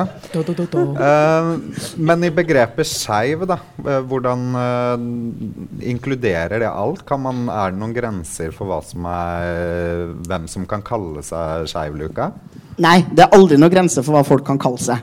Eh, ferdig snakka. Du kan kalle deg akkurat hva du vil. Men det du kaller deg, kan jo få konsekvenser. Så du kan jo selvfølgelig bli møtt med at noen andre er uenig, eller mener at den måten du bruker et ord på, kan eh, skade en sak eller skade noen andres identitet. Og det er jo alltid en sånn avveiing avveining man må ta, og det er en diskusjon som kontinuerlig foregår i det skeive miljøet. Hva betyr forskjellige begreper? Hva er det hensiktsmessig at vi kaller oss? Hva er det lurt at vi forteller? Hva, hva er det lurt at vi sier på Stortinget? Hva er det lurt at vi sier når vi bare henger oss imellom? Og, så videre. og det tenker jeg er helt greie diskusjoner at, at stadig vekk eh, pågår. Da. Så skal vi være lydhøre for hverandre og, og forstå, ha en forståelse for hvor folk kommer fra. Da. Um, ja, og det tenker jeg også gjelder veldig når man snakker om det her Nei, glem det. Ja. Var du på vei til å si noe, Karina? Um, ting var det at uh, Arild han ba meg om å finne ut av ting. Og det er ikke alltid en lur ting. Uh, og en av de tingene som jeg da ville finne ut av, var definisjonen av skeiv. Og det blei jo nevnt her at det er ikke noe klar og tydelig definisjon. Men, men jeg fant én. Uh, og det er rett og slett de som bryter med kjønns- og seksualitetsnormer. Ja. Det var en veldig grei og enkel definisjon. Ja. Uh, som inkluderer et mangfold. Så ja. Mm. For det er jo det Foreningen FRI gjorde ved å velge et navn Skjønn og seksualitetsmangfold. En organisasjon for personer som bryter med skjønn- og seksualitetsnormer. Men, men er, inkluderer det likevel, eller, eller er det et hierarki der med liksom på toppen så har du homo, og så har du Ja, og så langt der nede så er det Hva befinner seg langt der nede da? Det var et ledende spørsmål der. Helt nøytrale Nøytrale ordstyreren her. Uh, ja, jeg vil absolutt si at det fortsatt uh, eksisterer et uh, hierarki. Men jeg tror også at det hierarkiet er forskjellig fra miljø til miljø og fra sted til sted. og i noen kretser jeg henger i, så er kanskje det å være en veldig streit homo det kjipeste du kan være. men, det, men, det, var flåsete sagt. Altså jeg mener ikke at For jeg mener også at den, den streite homoen er nok fortsatt på toppen av hierarkiet. Og det er, og det, det er jo delvis fordi vi kommer oss heller ikke unna de her normene i samfunnet. Da, eh, om at noen måter å være på er mer, mer ønskelige enn en andre.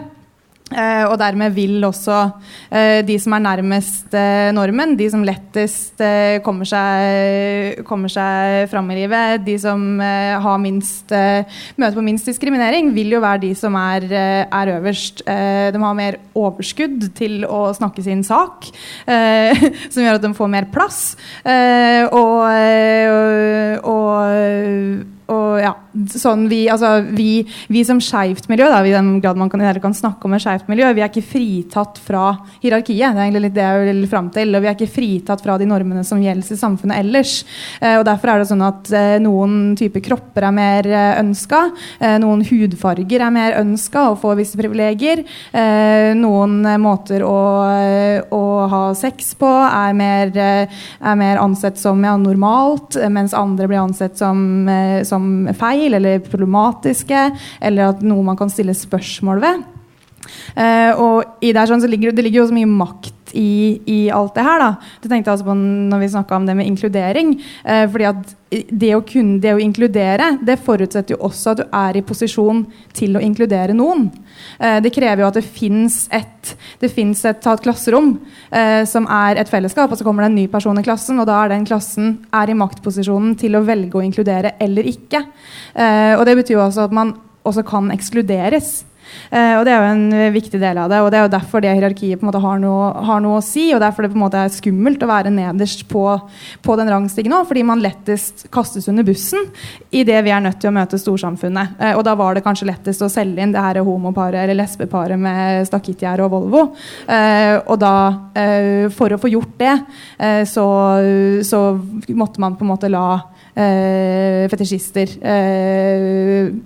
måtte bare liksom skyve det litt under teppet akkurat nå. fordi nå måtte vi få gjennom denne ekteskapsloven, da, f.eks. Mm. Men skal ikke slippe deg helt uh, ennå. fordi du i det skeive miljøet så er jo fri ofte sett på som makta eller den som har posisjonen til å inkludere eller også ekskludere. Um, hvordan foregår de diskusjonene i, i FRI? da? Sånn Ekteskapslov er jo en, en hva skal man si, både interessant og problematisk eh, debatt, hvor, hvor, man aktivt ekskluderer eh, f.eks. poli fra, fra, debatten, eller det som FRI har ment da, skal være ekteskapslov. Ja, jeg, bare, jeg, var veldig glad for at du sa det, at du kommenterte på det, Linn. Sånn kan, for det var, ikke, det var en sleivete eh, altså, Det var ikke ment som en kritikk. Nei, nei. Det var ment som en påpeking av at språket vårt, mm. måten vi ser på ting og måten vi snakker om ting, det skinner gjennom hele tiden. Angående akkurat den lange linjen og hvem som kommer først og hvem som kommer sist, og hvem som kanskje ikke er så mye verdt akkurat nå. Mm. Og, og det, var, ja. nei, det var ikke en kritikk. Nei, men jeg tok det ikke sånn. Det var fint at du tok det opp, for da får jeg retta det opp. Eh, fordi jeg mener ikke at vi kanskje skal at vi det er noe vi kanskje skal jobbe med, det er også i dag festa i FRIs politikk. Eh, at, vi, at, eh, at, alle relasjonsformer skal ha like muligheter til hva kaller vi det, juridisk, altså juridisk regulere eh, samlivsformer. Eh, og øh, ja, ekteskapsloven, det var jo før, øh, før min tid. Uh, så, men de diskusjonene i FRI foregår jo med at FRI er en medlemsorganisasjon. Vi fungerer som et politisk parti, f.eks. At vi kaller inn til landsmøter annethvert år. Dit velges delegater fra hvert fylkeslag. og, så det, og så vedtar man politikken ved flertallsstyre. Vi sitter og stemmer over setninger i politisk plattform, som sikkert mange her er vant til fra andre organisasjoner. Eh, og det gjør jo at, eh, at det, slett, det er jo politiske diskusjoner, det er uenigheter, og så er det flertallet som bestemmer. Som gjør at vi også selvfølgelig har, eh, har en del politikk som absolutt ikke flertallet av våre medlemmer er enig i. Eh, og så har vi veldig mange eh, medlemmer som ikke er enig i all politikken. Eh, for å være medlem i så er man jo i utgangspunktet enig i formålsparagrafen. De fleste har jo en del flere ting man er enig i. men så har noen kanskje vært uenig i noen, i noen ting. Eh, sånn, at, eh, så, sånn, sånn, vil det fungere. På godt og vondt. Eh, og igjen da, så kommer det her hierarki og minoriteter inn. Fordi det kan være vanskelig å komme seg inn i det rommet som det landsmøtet er. For eksempel, hvis man tilhører en bestemt gruppe som ikke har hatt så mye makt. Og det vil være Uh, og det kan være vanskelig å få med seg flertallet på det. Uh, sånn at det er også sånn det, ja, det er maktkamper, og det er et makthierarki der. Og det er sånn og det, ja, Eh, sånn funker de fleste organisasjoner, eh, men FRI er også det. Så jeg kan sitte og være fullstendig uenig i noe som blir vedtatt på landsmøtet, men jeg kommer ikke unna det fordi flertallet mener det. Og da må jeg stå inne for det. Ja. Men hvordan er det da med ekteskap nå? eh, og FRI? Hvilken, hvilken politikk uh, er det FRI nå har som gjør at man inkluderer poli? Det er at alle relasjoner skal nå husker jeg ikke formuleringa, men det er noe med muligheten til juridisk regulering av eh, samlivsformer skal inkludere altså ikke, ja, ikke, bare monogame. Da. Eh, det skal være mulig å juridisk regulere samlivsformer som består av flere enn to personer. Mm. Ja. Men også i Det er jo noen Det er jo litt rivalisering i den skeive menigheta vår. Og kanskje aller mest luka så har vel det vært retta mot personer med den identiteten du har. Spesielt i fjor, når, eh, når aviser eh, skrev eh, side opp og side ned om hvorvidt trans eksisterer, eller om vi driver og påfører nasjonens døtre osv. osv. Hva, hva er det den feminisme, skeiv kamp, interne og eksterne konflikter Kan du si noe om det? Og hvordan eh, For det er Ja.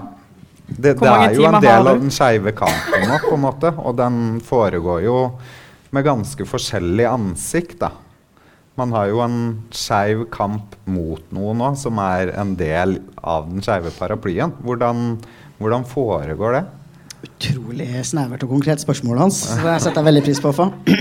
Nei, altså um, um, Det har alltid vært et problem for altså Transpersoner har utgjort et problem da, i både den skeive bevegelsen og den feministiske bevegelsen. Og Det handler om måten man forstår kjønn på. hvor folk er, altså Du står helt fritt til å forstå kjønn på den måten du vil, eh, men det er ganske vanlig å forstå kjønn som noe som handler om hva slags genitalia du har. Eh, og transpersoner da, all den tid vi ikke gjør det genitaliene da burde fått oss til å gjøre, eh, utgjør et problem da, for forklaringsmodellen og analysen eh, folk gjør av samfunnet rundt seg. Og da kan man velge eh, å enten være sånn her Oi, her har jeg et kart som ikke passer med det terrenget jeg ser. Da kanskje jeg skal tegne om kartet mitt, eller du kan prøve å endre terrenget. Det lureste vil jo jeg påstå, er jo å endre kartet ditt. Hvis du liksom har gjort en analyse av verden som ikke stemmer sånn verden ser ut, gjør om analysen din. Men så er det noen mennesker eh, som får heller en reaksjon om å tenke ok, jeg har tenkt på det sånn at kvinner er de med vulva, og menn er de med penis, og that's it. Og så kommer transfolk og interfolk og ødelegger det her. Eh, og så har man da dessverre blitt utsatt for eh, marginalisering på bakgrunn av det. Hvor folk er sånn her Men vi, syns, vi mener ikke at dere faktisk er kvinner eller menn eller ikke-binær. Eh, vi syns ikke at dere skal ha tilgang til samme rettigheter som andre. Og også delvis, som har skjedd litt de siste årene, eller det har pågått siden 50-tallet, men som har skjedd litt de senere årene, er at noen prøver å framstille oss som om vi er en trussel mot f.eks. den feministiske bevegelsen. Eh, at transpersoner på et eller annet vis eh, manifesterer og forsterker kjønnsnormer og begrenser mennesker ytterligere. Um, jeg tenker jo at vi er de beste menneskene til å bruke for å forstå at kjønn er tull som vi alle burde frigjøres fra, og at mennesker står helt fritt til å velge selv hva slags klær vi går i, hva vi kaller oss, hvilke pronomen vi vil at andre folk skal bruke, hvordan tissen vår skal se ut, om vi vil ha det, puppa pupper eller ikke puppa, eller bare én pupp, eller altså hva vi holder på med. Uh, ja, men, det, men, ja, jeg mener det. Um, og jeg syns også det er ja, nei. Ja. Jeg vet ikke om jeg svarte på spørsmålet, for det var et veldig stort og loddende spørsmål. Men det er rart av og til å være trans og liksom eh, også oppleve at den skeive bevegelsen har hatt et behov for å, for å, ikke bli assosiert med oss, hvor liksom homofile menn har vært veldig tydelige på i historien sånn her Ja, det å være homo har ingenting med sånne menn som liker å gå i kjole å gjøre. Så det må vi distansere oss veldig fra, fordi ellers så kunne noen finne på å tro at homofile menn ikke var helt ekte menn, eller at det her hadde noe med det her fryktelige konseptet med menn i kjole å gjøre. Um, så det er jo litt sånn Det kan være interessant da å være en definitivt både feministisk og skeiv mann som bare opplever at ingen vil ha deg med. Uh, alle, nei ja. Uh, men der tenker jeg at det, har jo, det er jo også verdt å nevne at det er en bitte liten minoritet av den feministiske bevegelsen i Norge som ikke syns at transfolk har en naturlig plass i den feministiske bevegelsen, og som ikke ser verdien av det fantastiske normbruddet vi er, da. Uh, og hvordan det selvfølgelig er god feminisme å tenke at mennesker må få lov til å bestemme over sin egen kropp eh, og sin egen seksualitet og sitt eget uttrykk. Um, og det samme gjelder jo den skeive bevegelsen, som jo stort sett også er inkluderende og ålreit å tenke at ja, ja, selvfølgelig. Mm. Er vi gode nok til å støtte hverandre når vi blir angrepet som, som den subgruppa vi eventuelt representerer, eller eh, må vi som oftest stå opp for oss selv? Jeg opplever i hvert fall at det er begge deler. Uh, altså sånn, Der er en del uh, seksuelle minoriteter og kjønnsminoriteter og andre minoriteter som faktisk støtter hverandre. Og der er en del som er mer opptatt av å trekke opp stien etter seg. For ja, nå har jo vi fått rettighetene våre, så nå kan dere bare ha det så godt. Uh, der er begge deler. Uh, og jeg vet i hvert fall det at både vår organisasjon og meg personlig sto og, foran Stortinget og protesterte og herjet når, når dere eh, hadde deres greie foran Stortinget for Hvor mange måneder siden er det? Fire? Fem? Hvilken av de? Ja, men i hvert fall. Foran Stortinget stadig vekk? Ja, Stortinget. Uh, men i hvert fall når det gjaldt det mot um, Riksen sin, uh, sin, sin, sitt monopol, da. Uh, og den måten man, man da snakket om sam, samfunnets døtre og sønner og sånne ting. Og det, det altså For meg og for veldig mange i min organisasjon så er det å støtte hverandre helt naturlig. Uh, og det å, å, å, inkludere og ønske å inkludere veldig naturlig. Og det samme vet jeg òg gjelder BDSM, som jeg òg er en del av. Men ja. jeg bare sånn nestleder i hennes organisasjon og, og lederen min, så ja. Um, jeg føler vi støtter hverandre, da. Luka, og så Karina etterpå. Jeg bare tenker at det, jeg, jeg, tror vi er ganske gode på solidaritet ofte, og så skal vi selvfølgelig bli flinkere på det. Men så er det også noe med at eh, det å være solidarisk trenger ikke Man trenger ikke nødvendigvis alltid å inkludere. Da. Jeg tenker at For meg som er, tilhører den, de ganske mange minoritetene jeg tilhører, eh, har, har, ikke noe vanskelig for å være solidarisk med andre minoriteter uten at jeg nødvendigvis trenger å tilhøre dem, eller tenker at vi tilhører samme fellesskap sånn utover at vi er minoriteter som blir diskriminert på ganske like måter.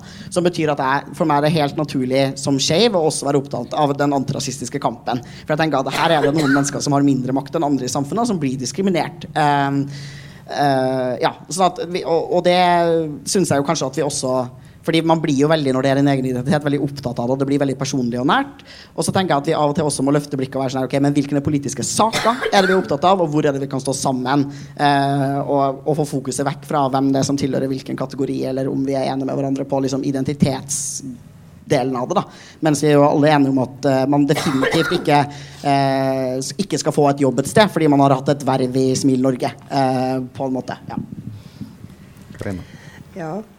Um, men jeg tenker jo også det at det er um, Selv om jeg personlig uh, støtter en minoritet, så betyr det ikke at alle medlemmene i min organisasjon gjør det.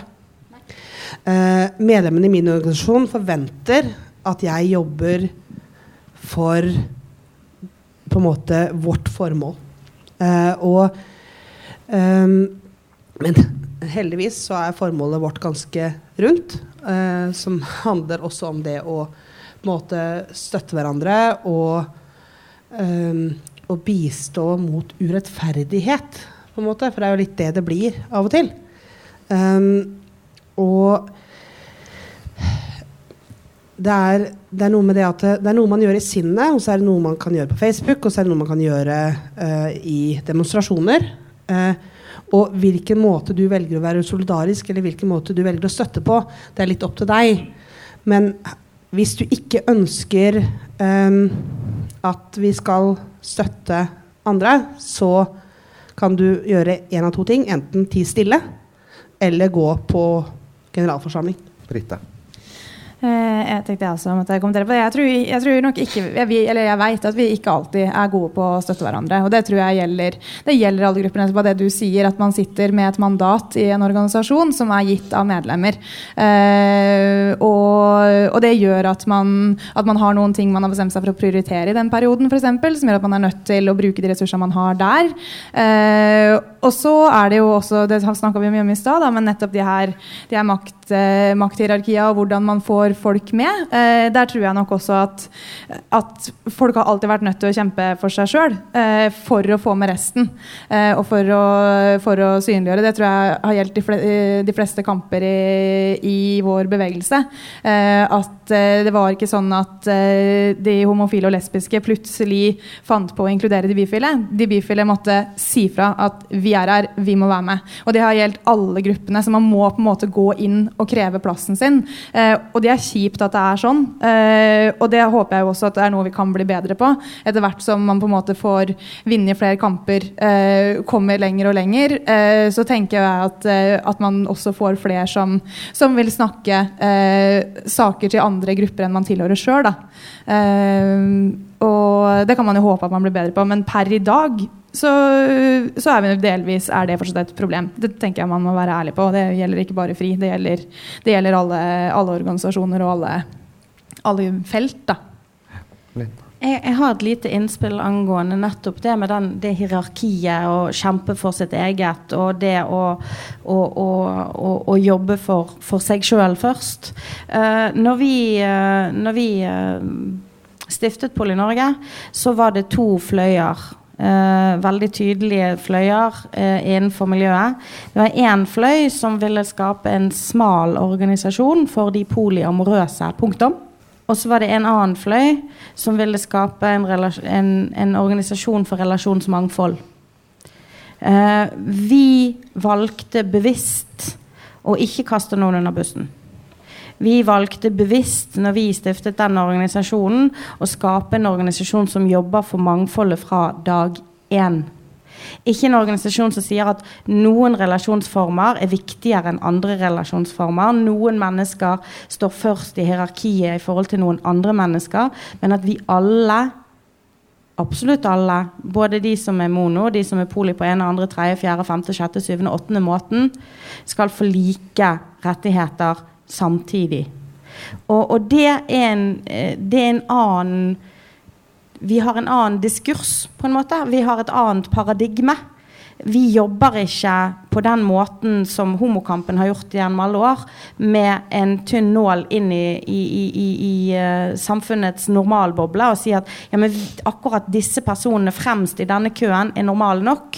Fordi faren med nettopp det, og her er et veldig godt poeng Hvis én person får lov til å komme innenfor, så er det veldig lett å hive den ene personen ut igjen. Vi ser det nå i Polen, vi ser det i USA, vi ser det globalt. De kampene som har vært kjempet, og de rettighetene som har vært oppnådd, er svake fordi man har valgt å kjempe en kamp for én og én bitte liten gruppe. Det er en fare med det. Jo da, ok, kanskje man kommer først, fortere i mål. Kanskje man, man, man tar noen som, som, man ser på som viktigst først. Men man er ekstremt sårbar.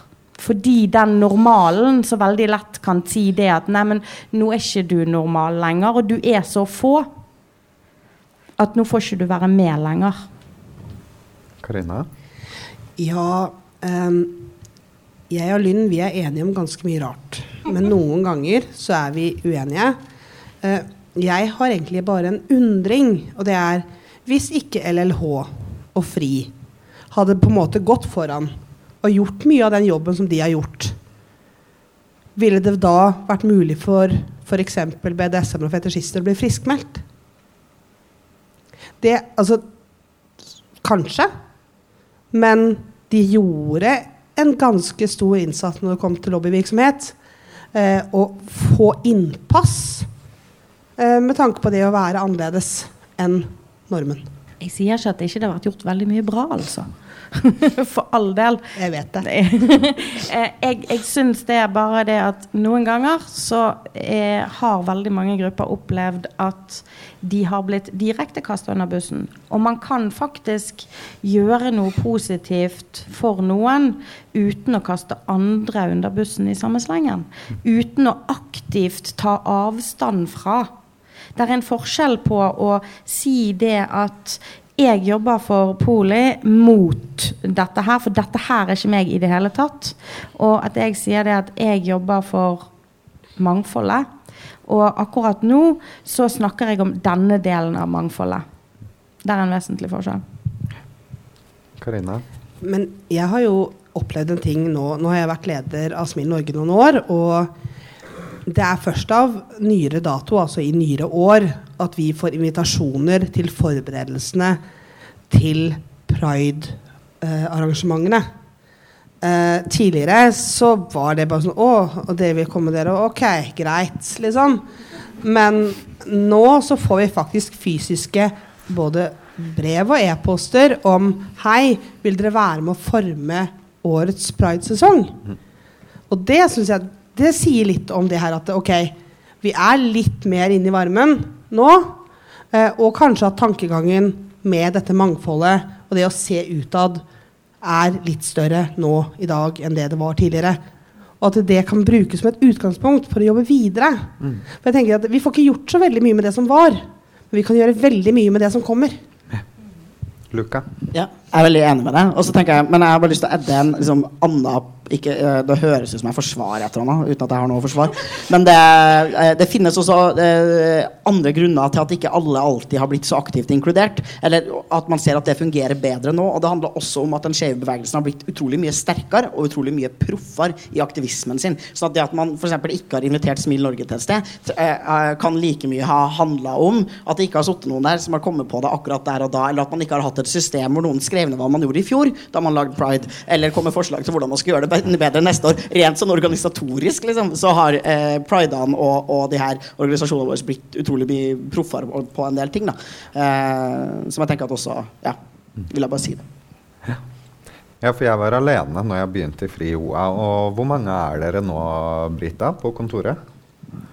Eh, nå har vi to eh, på kontoret, pluss eh, tre som har fått midler fra kommunen i Oslo til å drive kompetanseheving blant kommunalt ansatte i Oslo.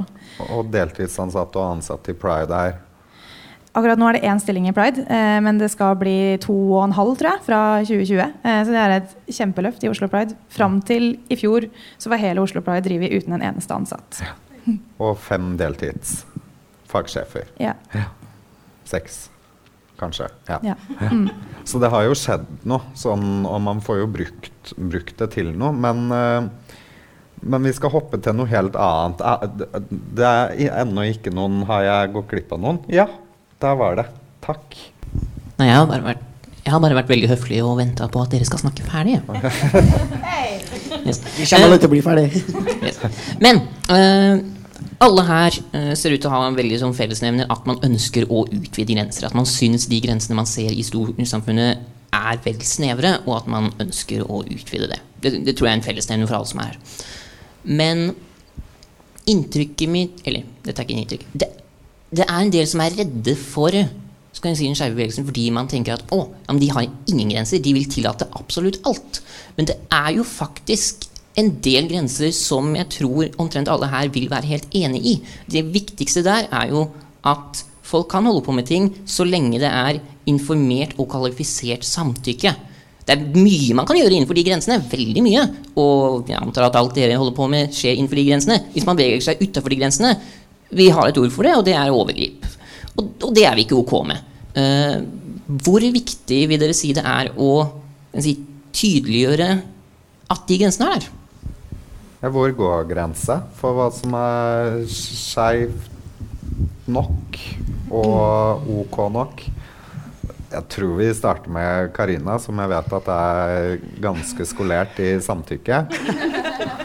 Ja, um, jeg har vel sagt det at uh, er det ikke samtykke, så er det vold. Uh, er det ikke samtykke, så uh, er det overgrep. Altså, hvis jeg ikke vil noe, så vil jeg ikke. Og det er, det er sånn er det bare. Uh, de som kjenner meg godt, vet at det stemmer. Um, men jeg syns det er skummelt å bruke lovlighetsbegrepet også. Fordi man ser ut i verden, og man ser historisk, at uh, mye av det vi driver med, var ulovlig.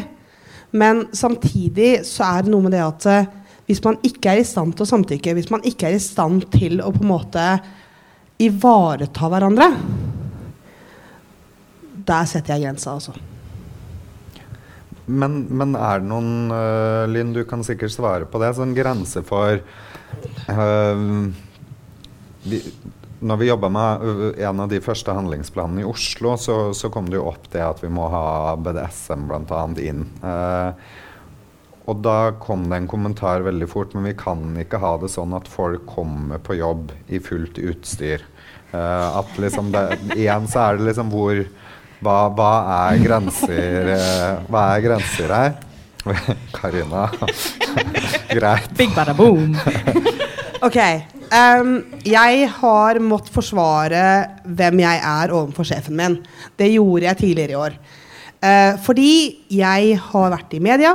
Uh, det er ikke så mange av mine forgjengere som har vært det. Uh, men jeg har vært det. både i forhold til BDSM, men også i forhold til bolig. Um, og så ble jeg kalt inn på møte til min sjef, men også hennes sjef. Uh, for de ville vite Altså De har fått så mye klager, bekymringsmeldinger over det at jeg jobber i helsevesenet med mennesker som sliter, som trenger hjelp og omsorg pga. at jeg har to kjærester. Fordi det står jo i avisa. Altså Jeg har ikke de med meg på jobb, altså. Når jeg er på jobb, så er jeg på jobb. Da gjør jeg jobben min. Jeg, jeg bedriver verken BDSM, har fetisjene mine med meg, eller kjærestene mine, for den saks skyld. På jobb, på jobb gjør du jobben din. Eh, om jeg Ok, greit, jeg kler meg rart, men mange har uniformer på jobb. Sant? Så Ja, nei. men, uh, men Linn, det, det man prøver jo likevel å hensynta omgivelsene sine og sjekke liksom hva er greit hvor. Hva, hvor mye skal man hensynta, da, hvis vi, hvis vi, er enige om at det er sunn, sikker og, og samtykkende, eller i alle fall samtykkende, da, hvor, hvor det finnes en grense. Som et Minimum. og, så, og så er det likevel omgivelsene som blir forstyrra, eller som lar seg bli forstyrra av noe. Som lar seg bli forstyrret, der ja. har du det. Hvor, hvor uh, går grensa? Jo, altså jeg vil først si det i forhold til spørsmålet fra, fra herremannen her. Så i vår formålsparagraf så står det det at vi skal jobbe for relasjoner som er informert samtykkende og likeverdig. Der går en tydelig grense der. Uh, og, og, den grensen handler om, om, rett og slett det at de menneskene dette gjelder, skal ha mulighet til å være i stand til å, å samtykke. Og det, det skal, man, skal behandles med likeverd. Uh, og det er veldig, veldig, veldig, veldig viktig, syns jeg. Uh, kan, altså mennesker kan være poli og douchebags uh, og holde på med ting uten samtykke og fortsatt være poli. Men, men fordi det er en identitet til den personen, det er ikke hva den gjør. Uh, og mennesker kan gjøre ting som er totally wrong, og fortsatt ha en identitet. Man kan være massemorder og homofil, uh, men det vil ikke dermed si at alle homofile er massemordere. Man kan være total douchebag innenfor relasjoner og poli. Det vil ikke dermed si at alle som er poli, er total douchebags. Um, og så var det tilbake igjen til det der med hva skal uh, verden tåle. Um, så lenge, altså Jeg mener det at man bør kunne gå på jobb så lenge ikke det er uniformskrav på jobben. Eh, sånn som f.eks. at det er ikke uniformskrav på, på Pride-styret, tror jeg. Eh, så hvis jeg bare, Paljetter, jeg vet, det er et lite krav. Men bortsett Må jeg faktisk Nei. Altså, jeg syns det at altså, om man heter, uh, heter, Trond og har helskjegg og har lyst til å komme i kjole, eller om man heter uh, uh, Lars og har lyst til å komme i heldekkende skinn, så syns jeg jo det at det burde jo ikke ha noe som helst med den kvaliteten man gjør på jobben sin. om man har rosa og blått hår og står i butikk, eh, eller om man har brunt hår og står i butikk, så kan man være like god til å gjøre jobben sin. Og, og det er rimelig mange som, som, har en sånn idé om at jo, hvis man er f.eks. SAS, eh, hvis man er kvinne, jobber i SAS, så må man gå med høye hæler. Fordi at det er en uniformskrav. Da skal man gå med høye hæler. Fordi at man skal være så feminin. Um, jeg tenker jo det at en ut av de faktisk tingene som vi bør jobbe for alle sammen eh, innenfor det skeive, er jo nettopp det med å få lov til å være seg selv få lov til å, å, å være Frank, uh, nå ble det Frank, med helskjegg og gå med kjole. Få lov til å være Lynn med, med, to kjærester som begge to er likeverdige. Få lov til å være Karina som, som, har veldig søte kjoler og musefletter. Um, og uten at det skal være noe som trenger å forstyrre noen. Min mening. Mm. Det er to fra salen, så jeg bare lurer på om det er greit at vi tar begge to Tre i salen og fire, fem Se her, nå begynner det. Du, da starter vi med to, og så sender vi de opp. Og så tar vi tre etterpå, kanskje, og sender opp. Ja. Hei, jeg heter Jonny. Um, og jeg syns det er bra at vi diskuterer seksualitet. Jeg syns det er bra at vi diskuterer identitet.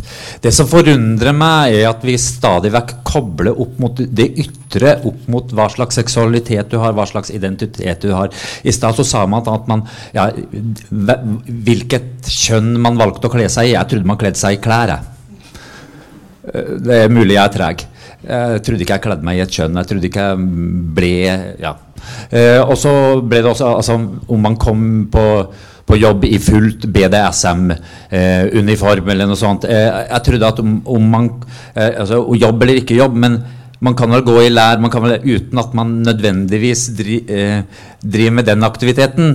Og det er helt greit også at man gjør det, men det er noen koblinger ytre sett også innafor det skeive miljøet hvor vi tenker at ok, du ser sånn ut, da er du sånn på innsiden. Det forvirrer meg.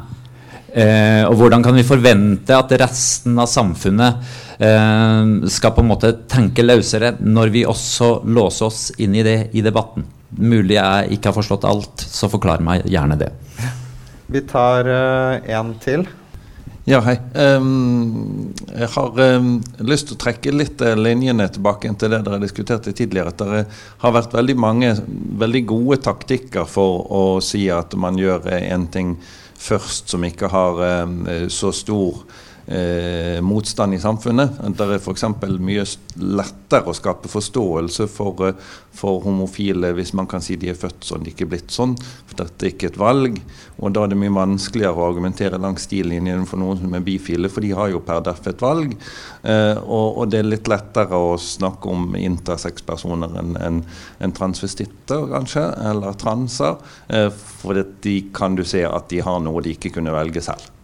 Eh, og, og jeg har veldig lyst til å høre flere av dere si at alle sånne ting burde være eh, begrunnet. Altså hvis, hvis, samfunnet absolutt vil at jeg skal si at er kvinne eller mann reiser med fly, så må de ha en god grunn til hvorfor de skal vite om jeg har inn- eller utvartist for å sitte i et flysete.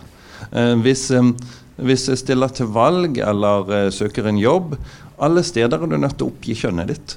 Og jeg klarer ikke å se i særlig, særlig um, mange av tilfeller at det er en saklig begrunnelse for det. Så heller enn at hver uh, og en skal gjennom nålhullet, så kunne jeg tenkt meg at uh, man fikk snudd på det og sagt at samfunnet skal ha noen klare grenser for hva de har noe med.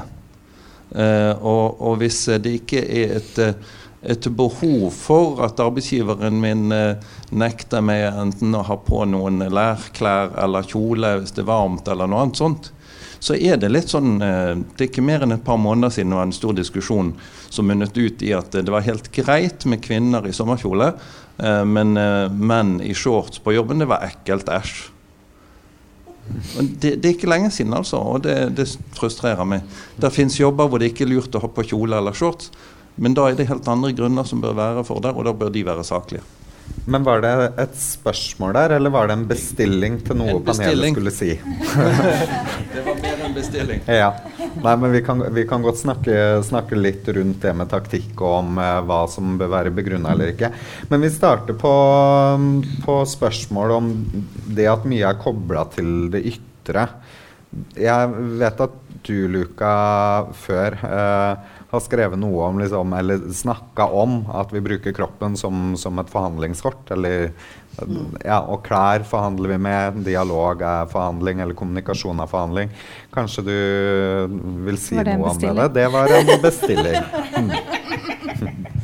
Uh, ja, jeg tenker at um vi skal hele tida være bevisst hvilke samfunnsnormer som, finnes. Vi skal være oss bevisst hvilke antakelser vi gjør oss om omverdenen og hvorfor, og hvilke konsekvenser de får for menneskenes liv.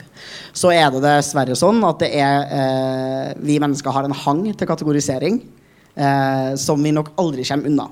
Men vi kommer unna eh, vi, altså vi kan modifisere hvilke kategorier det vi velger å dele inn omverdenen i, og hva vi velger at de kategoriene skal bety. Men vi kommer til å anta ting om andre basert på hvordan de ser ut. Så må vi bare kontinuerlig arrestere oss selv når vi gjør det. Eh, og det har både fordeler og ulemper. Eh, de fordelene det har, er jo at du faktisk kan si noe om hvem du er til omverdenen uten å måtte si det med ord.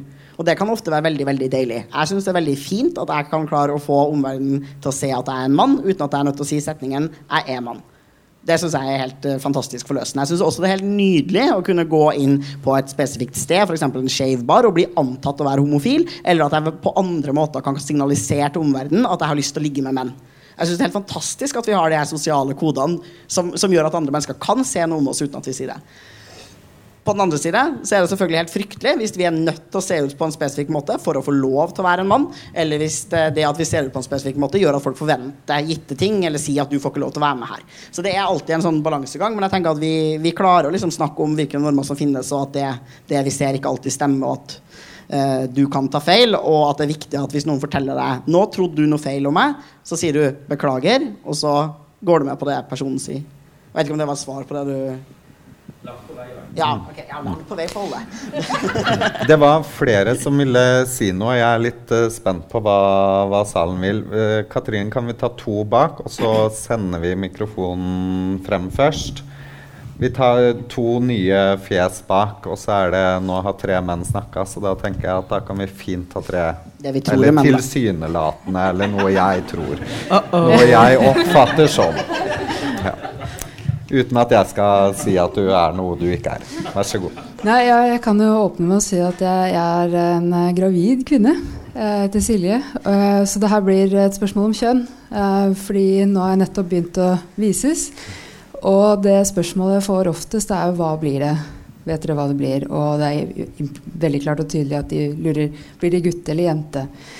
Eh, så jeg har på en måte prøvd å unngå å svare litt, eh, men jeg skjønner at jeg må bare ha et kort og greit svar. Jeg orker ikke å ta en lang samtale med hver gang om ja, hva er kjønn egentlig? Liksom, så det var det jeg lurte på om har dere noen gode tips til kort og enkelt svar? Linn? Uh... Jeg har et lite Og vet du hva? Jeg er menneske. Even er menneske. Det blir et menneske. Yes! Jeg tenker Det at det er et veldig greit svar på, på hva blir det for noe. For da unngår du at folk tror det blir en liten orangutang eller en, uh, en langbein. Uh, det, det, blir et menneske. Vi får se. Hvorfor er du så opptatt av genitaliene til babyen min? Altså, det er mange ja. Or that. Tar en til der nede. Eh, det er et uh, lite sitat uh, jeg fant på nytt igjen i en artikkel på TV 2 som ble delt i går, men den er fra mai. Jeg har hatt vansker med å være med på homokampen fordi den handlet om at du skal pule mest mulig. At du skal ha frihet til det. Det er en kamp jeg ikke kan være med å kjempe. Fordi det er en kamp jeg ikke ønsker meg. Det er Tore Petterson.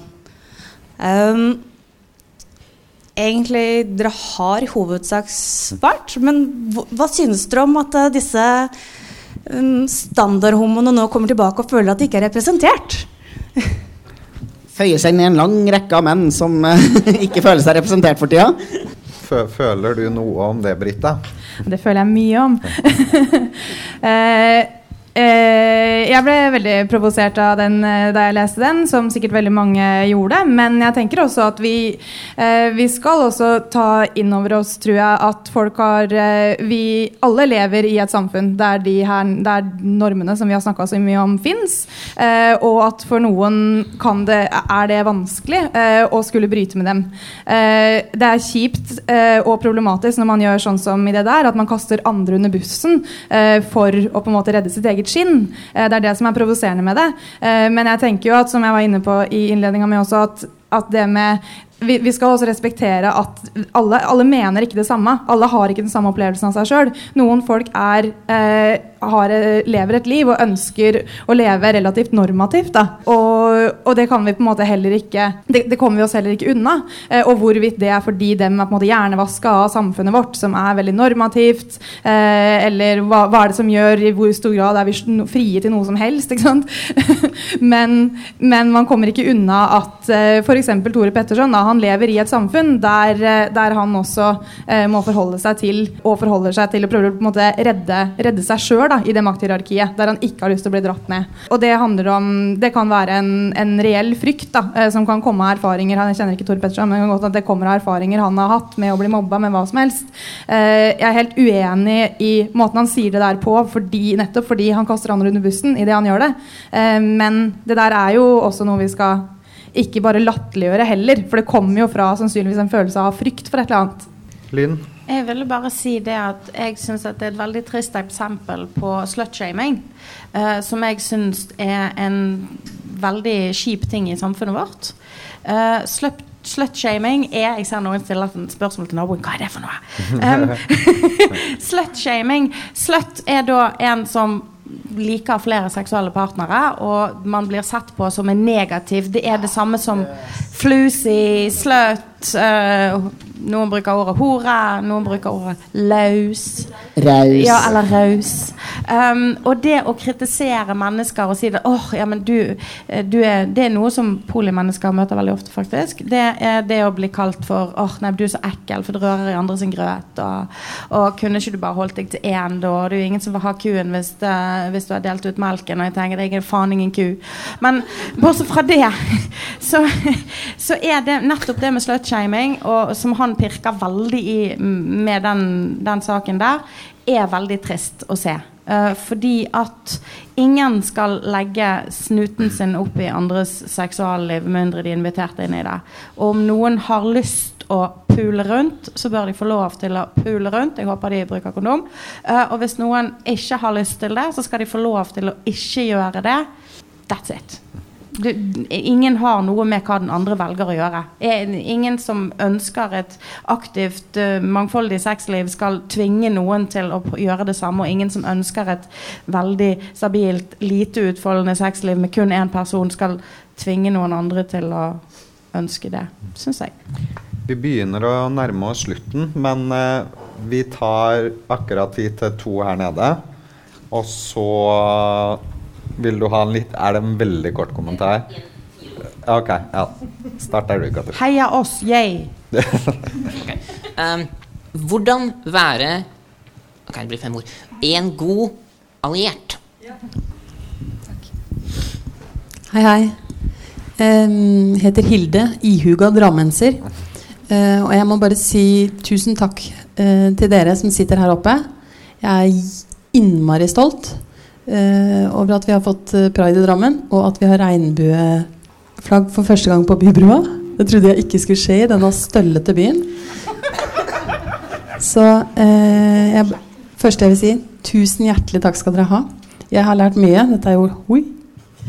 Eh, eh, og jeg må bare Det spørsmålet der med fire ord eller fem ord eh, I og med at jeg er lærer i ungdomsskolen Dere har jo sikkert erfart mye Alle har jo vært i skolen ikke sant, og hatt både dårlige og gode erfaringer. Hvordan være en god alliert. Det gjelder jo meg òg som lærer veldig. Tusen takk. Så fremste rad. Tusen takk. Eh, Jeg har lært masse her i dag. Eh, hospitality of mind, altså hyse en fremmed tanke, heter det på nynorsk. Og så er det noe med at jeg må øve meg opp til det jeg har lært her i dag. For det er liksom ikke Jeg har ikke visst alt det dere forteller her i dag. Eh, så jeg må øve meg opp til å skjønne det, til å respektere det, som vi har snakket mye om. Og samtidig og så må jeg kunne også være kritisk til det, for hvis man ikke er kritisk til ting, så går ikke verden videre. Og det tror jeg kanskje er noe av det viktigste også. Så snakker dere om det å eh, liksom støtte hverandre. Jo, men ikke sant, så er det et valg da, i fri. Skal vi stemme for det eller det? Så er det kanskje det som er viktigst akkurat da, men så kommer neste gruppe som får et ja da. Så det vil jo alltid være motstridende ting akkurat der og der, for det er jo kontekstavhengig mye av dette her også. Og ikke minst kulturavhengig, da, hvor det er. Og jeg er jo ikke enig i at jeg bor i en døll by. Jeg er veldig glad i Eller støll, eller hva det Støllete by. Jeg, jeg mener vi har fått til pride nå. Med flaggene som vaier over eh, broa. Jeg ble så rørt når jeg gikk over der, for jeg sa da til Brita at jeg vil ikke gå over den der, jeg er nødt for å gå over brua. Og jeg har aldri brukt så lang tid over brua i hele mitt liv, jeg har bodd her i 30 år. Eh, vi, vi, vi går ikke inn på sånn ytringsfrihet. eh, hvem skal vi kommentere, ikke kommentere når vi har vært ute i offentligheten. alliert, alliert. Så vi lar den ligge. Men alliert-spørsmålet, to plasser, kjempegodt. Uh, Luka kan begynne. Skal vi ha det som en sånn avslutning? Hvordan være en god alliert? En avrunding hos hver og en?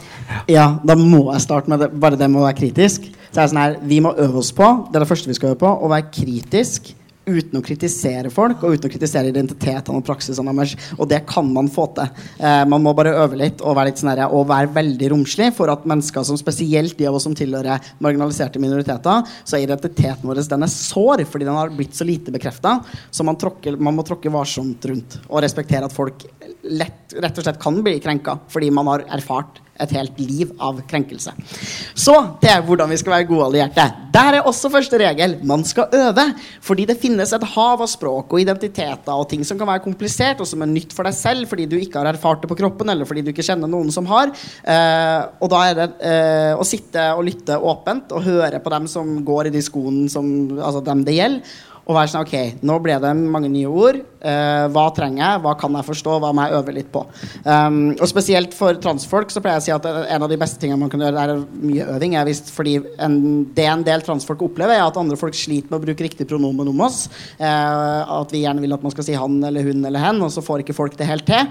Der er øving alfa og omega. Da går man, altså da må man rett og slett lage nye connections i de her nervebanene i hjernen, og det gjør man med repetisjon. Så da står man foran speilet, og så øver man på å si 'han', selv om det er en person som du kanskje vanligvis ikke vil ha antatt at man skal si han om. Um, og også tenk på Ja, nei. Mm, det, var, det, så det var da, sånn man god alliert der. Generelt for liksom, transfolk eh, og alle minoriteter er jo uh, være litt bevisst på når er det vi antar at noen er heteroseksuell, eller at noen er, er cis-skjønna. Uh, og i skolen så har du jo en gullpakke. Du kan jo bruke bare eksempel med samskjønna par og en familie med, med, tre som skal dele et boliglån. Det blir jo helt kjempeinteressant matteoppgave, det. Flott for en på billedkunst. Der er det mye som er haram. ja, men det, det, det går også bra. Det er jeg helt sikker på. Jeg tenker det at uh, Noe av det viktige med det å, å, være alliert, er å være synlig alliert. Um, for å ta oss som et eksempel. Vi har en, en, en Facebook-gruppe og en Facebook-side som veldig mange som identifiserer seg som poli, ikke tør å like. Og ikke tør å melde seg inn i. Fordi de er redd for at da vil naboen se det. Fordi at det å like Poli-Norge er det samme som at da er man out there. Uh, det å være en god alliert som jeg ser det, er å f.eks. vise utad til de rundt deg, gjennom Facebooken din, gjennom buttons, gjennom hva du snakker om, gjennom hva du deler, gjennom hva du sier, at jeg syns at selv om jeg ikke er trans, at transmennesker er helt ok. Jeg syns at selv om jeg ikke er poli, at polimennesker har en plass i vår, vårt samfunn. Jeg syns, selv om jeg er eh, cis, eller selv om jeg er hvit, og selv om jeg er sånn, og selv om jeg er sånn at andre med en annen identitet er helt ok. Og det å dele det på en synlig måte, f.eks. gjennom Facebook, med å dele saker, med å dele et bilde innimellom der det står faktisk 'jeg er alliert'. Jeg er kanskje ikke trans eller poli eller bi eller homo eller sånn eller sånn eller sånn, men jeg er glad i deg likevel, for du er min venn. For veldig mange føler seg ensom. Veldig mange er redd for å fortelle til vennene sine. De er redd for å fortelle til familien sin. De er redd for å i det hele tatt fortelle seg selv at de er annerledes. Og hvis de ser i sosiale medier rundt seg, hvis de ser på, på, på uh, pennalet ditt at der står det en button med 'du er ok sånn som du er', akkurat som den du er, så hjelper det. Så kanskje noen kommer til deg og sier Ja, øh, forresten, jeg har, ikke, jeg har ikke hatt noen å prate med dette om. Min datter opplevde noe sånt. Hun delte en sak som hadde med polio å gjøre, helt i begynnelsen, før jeg løp rundt og snakket om polio overalt. Um, og da var det en kompis ut av henne som tok kontakt fordi hun delte, hun viste hun var en alliert. Tok kontakt med henne og sa Du, kan jeg prate med deg? Fordi jeg, jeg, jeg, tror jeg er sånn poli, og, og, jeg har ingen å prate med. Uh, og, og, jeg trodde ingen ville like meg hvis jeg sa det høyt. Jeg tror vi må korte, korte litt ned. Ferdig. Haha. Det var dårlig gjort. Uh, nei, jeg vil rett og slett si noe så enkelt som snakk sammen. Altså det å på en måte finne arenaer for å snakke sammen. Finne arenaer for å uh, samarbeide hvis det er naturlig, men også gjøre som de andre sier. Altså det å vise det enten aktivt og synlig, eller i hvert fall gjennom gester og handlinger. Um, det er i hvert fall det jeg jobber for. Britta? Uh, ja, eh, jeg skal prøve å være kort. Jeg tenker til uh, det som ble sagt her om å være kritisk. Uh, så tenker jeg også ja, man skal, være, man, man skal, være, kritisk, men vi skal huske på, det er en viktig del av å være en god alliert, tror jeg, at folk sin eksistens, det, det folk er, det er aldri oppe til diskusjon. Hvis jeg forteller deg at jeg er bifil, Eh, så er ikke det noe å diskutere. Da er det min sannhet. Eh, og det gjelder alt. Det er særlig et problem i, eh, i transdebatten, sånn jeg ser det, fordi man diskuterer hvorvidt transfolk eksisterer. Hvorvidt det er sant at en person som sier at hun er kvinne, er kvinne. Det, er, det går ikke an å diskutere, fordi det er sant. Uh, og, sånn det, og Hvis man har det som en grunntanke, da, så tenker jeg det er helt enig at man skal snakke sammen, men veldig ofte så går man med på da premisset om at det er noe som kan diskuteres. Uh, og det er det ofte ikke. Ikke Hvis man sitter rundt lunsjbordet og noen begynner å snakke om at ja, er, hva skal man gjøre da med de her de som sier at de er damer som har penis i kvinnegarderoben. Da går man med på det premisset at det er noe å diskutere. Selv om man snakker sammen og selv om man sier sånn jeg mener at det er, Da har man gått med på at det er noe man kan ha en meningsutveksling om. Det er, det er det jo ikke. Men jeg tror også på at vi skal snakke sammen. Men jeg tror at eh, ofte, og for å ikke virke moraliserende, så tror jeg det veldig ofte funker å spørre hvorfor, hvorfor mener du det? Hvorfor tror du det er sånn? For da kan man komme inn i, inn i gode samtaler. Da. Sånn som du som lurte liksom, Hva svarer man de folka som spør om hvilket kjønnsorgan babyen min har? Så kan man svare men hvorfor lurer du på det? For da kan man jo faktisk komme inn i en samtale men hva har det å si. da? Hvilket kjønnsorgan det barnet har. Eh, og så kan man snakke litt rundt det, eh, og hvorfor vi tenker at det er sånn. Så jeg, ja, spør, spør, hvorfor. Det tror jeg er mitt, eh, mitt råd for å liksom utfordre folks eh, tanke. Mm. Veldig bra. Vi skal avslutte nå, uh, men uh, en god alliert tenker jeg òg Nå er det pride i Drammen for første gang, og det er jo utrolig bra. Og, uh, og der er det jo en liten komité som, som, jobber. Som skal det skje til neste år, da, så kan man jo være alliert ved å jobbe med pride i Drammen f.eks. Meld dere inn i organisasjonene våre. Eh, melder inn i organisasjoner. Lik på Facebook. Eh, skole så er det jo Rosa kompetanse i FRI, eller skoleprosjektet Skeiv kunnskap i FRI OA, som kan kontaktes. Så kan du få liksom masse, masse ting. Så det er jo Rosa kompetanse. Rosa kompetanse. Så det er jo hele denne skeive verden vi er en del av, da, og alt det vi har snakka om er jo tilgjengelig der ute. Uh, så google litt og titte litt rundt.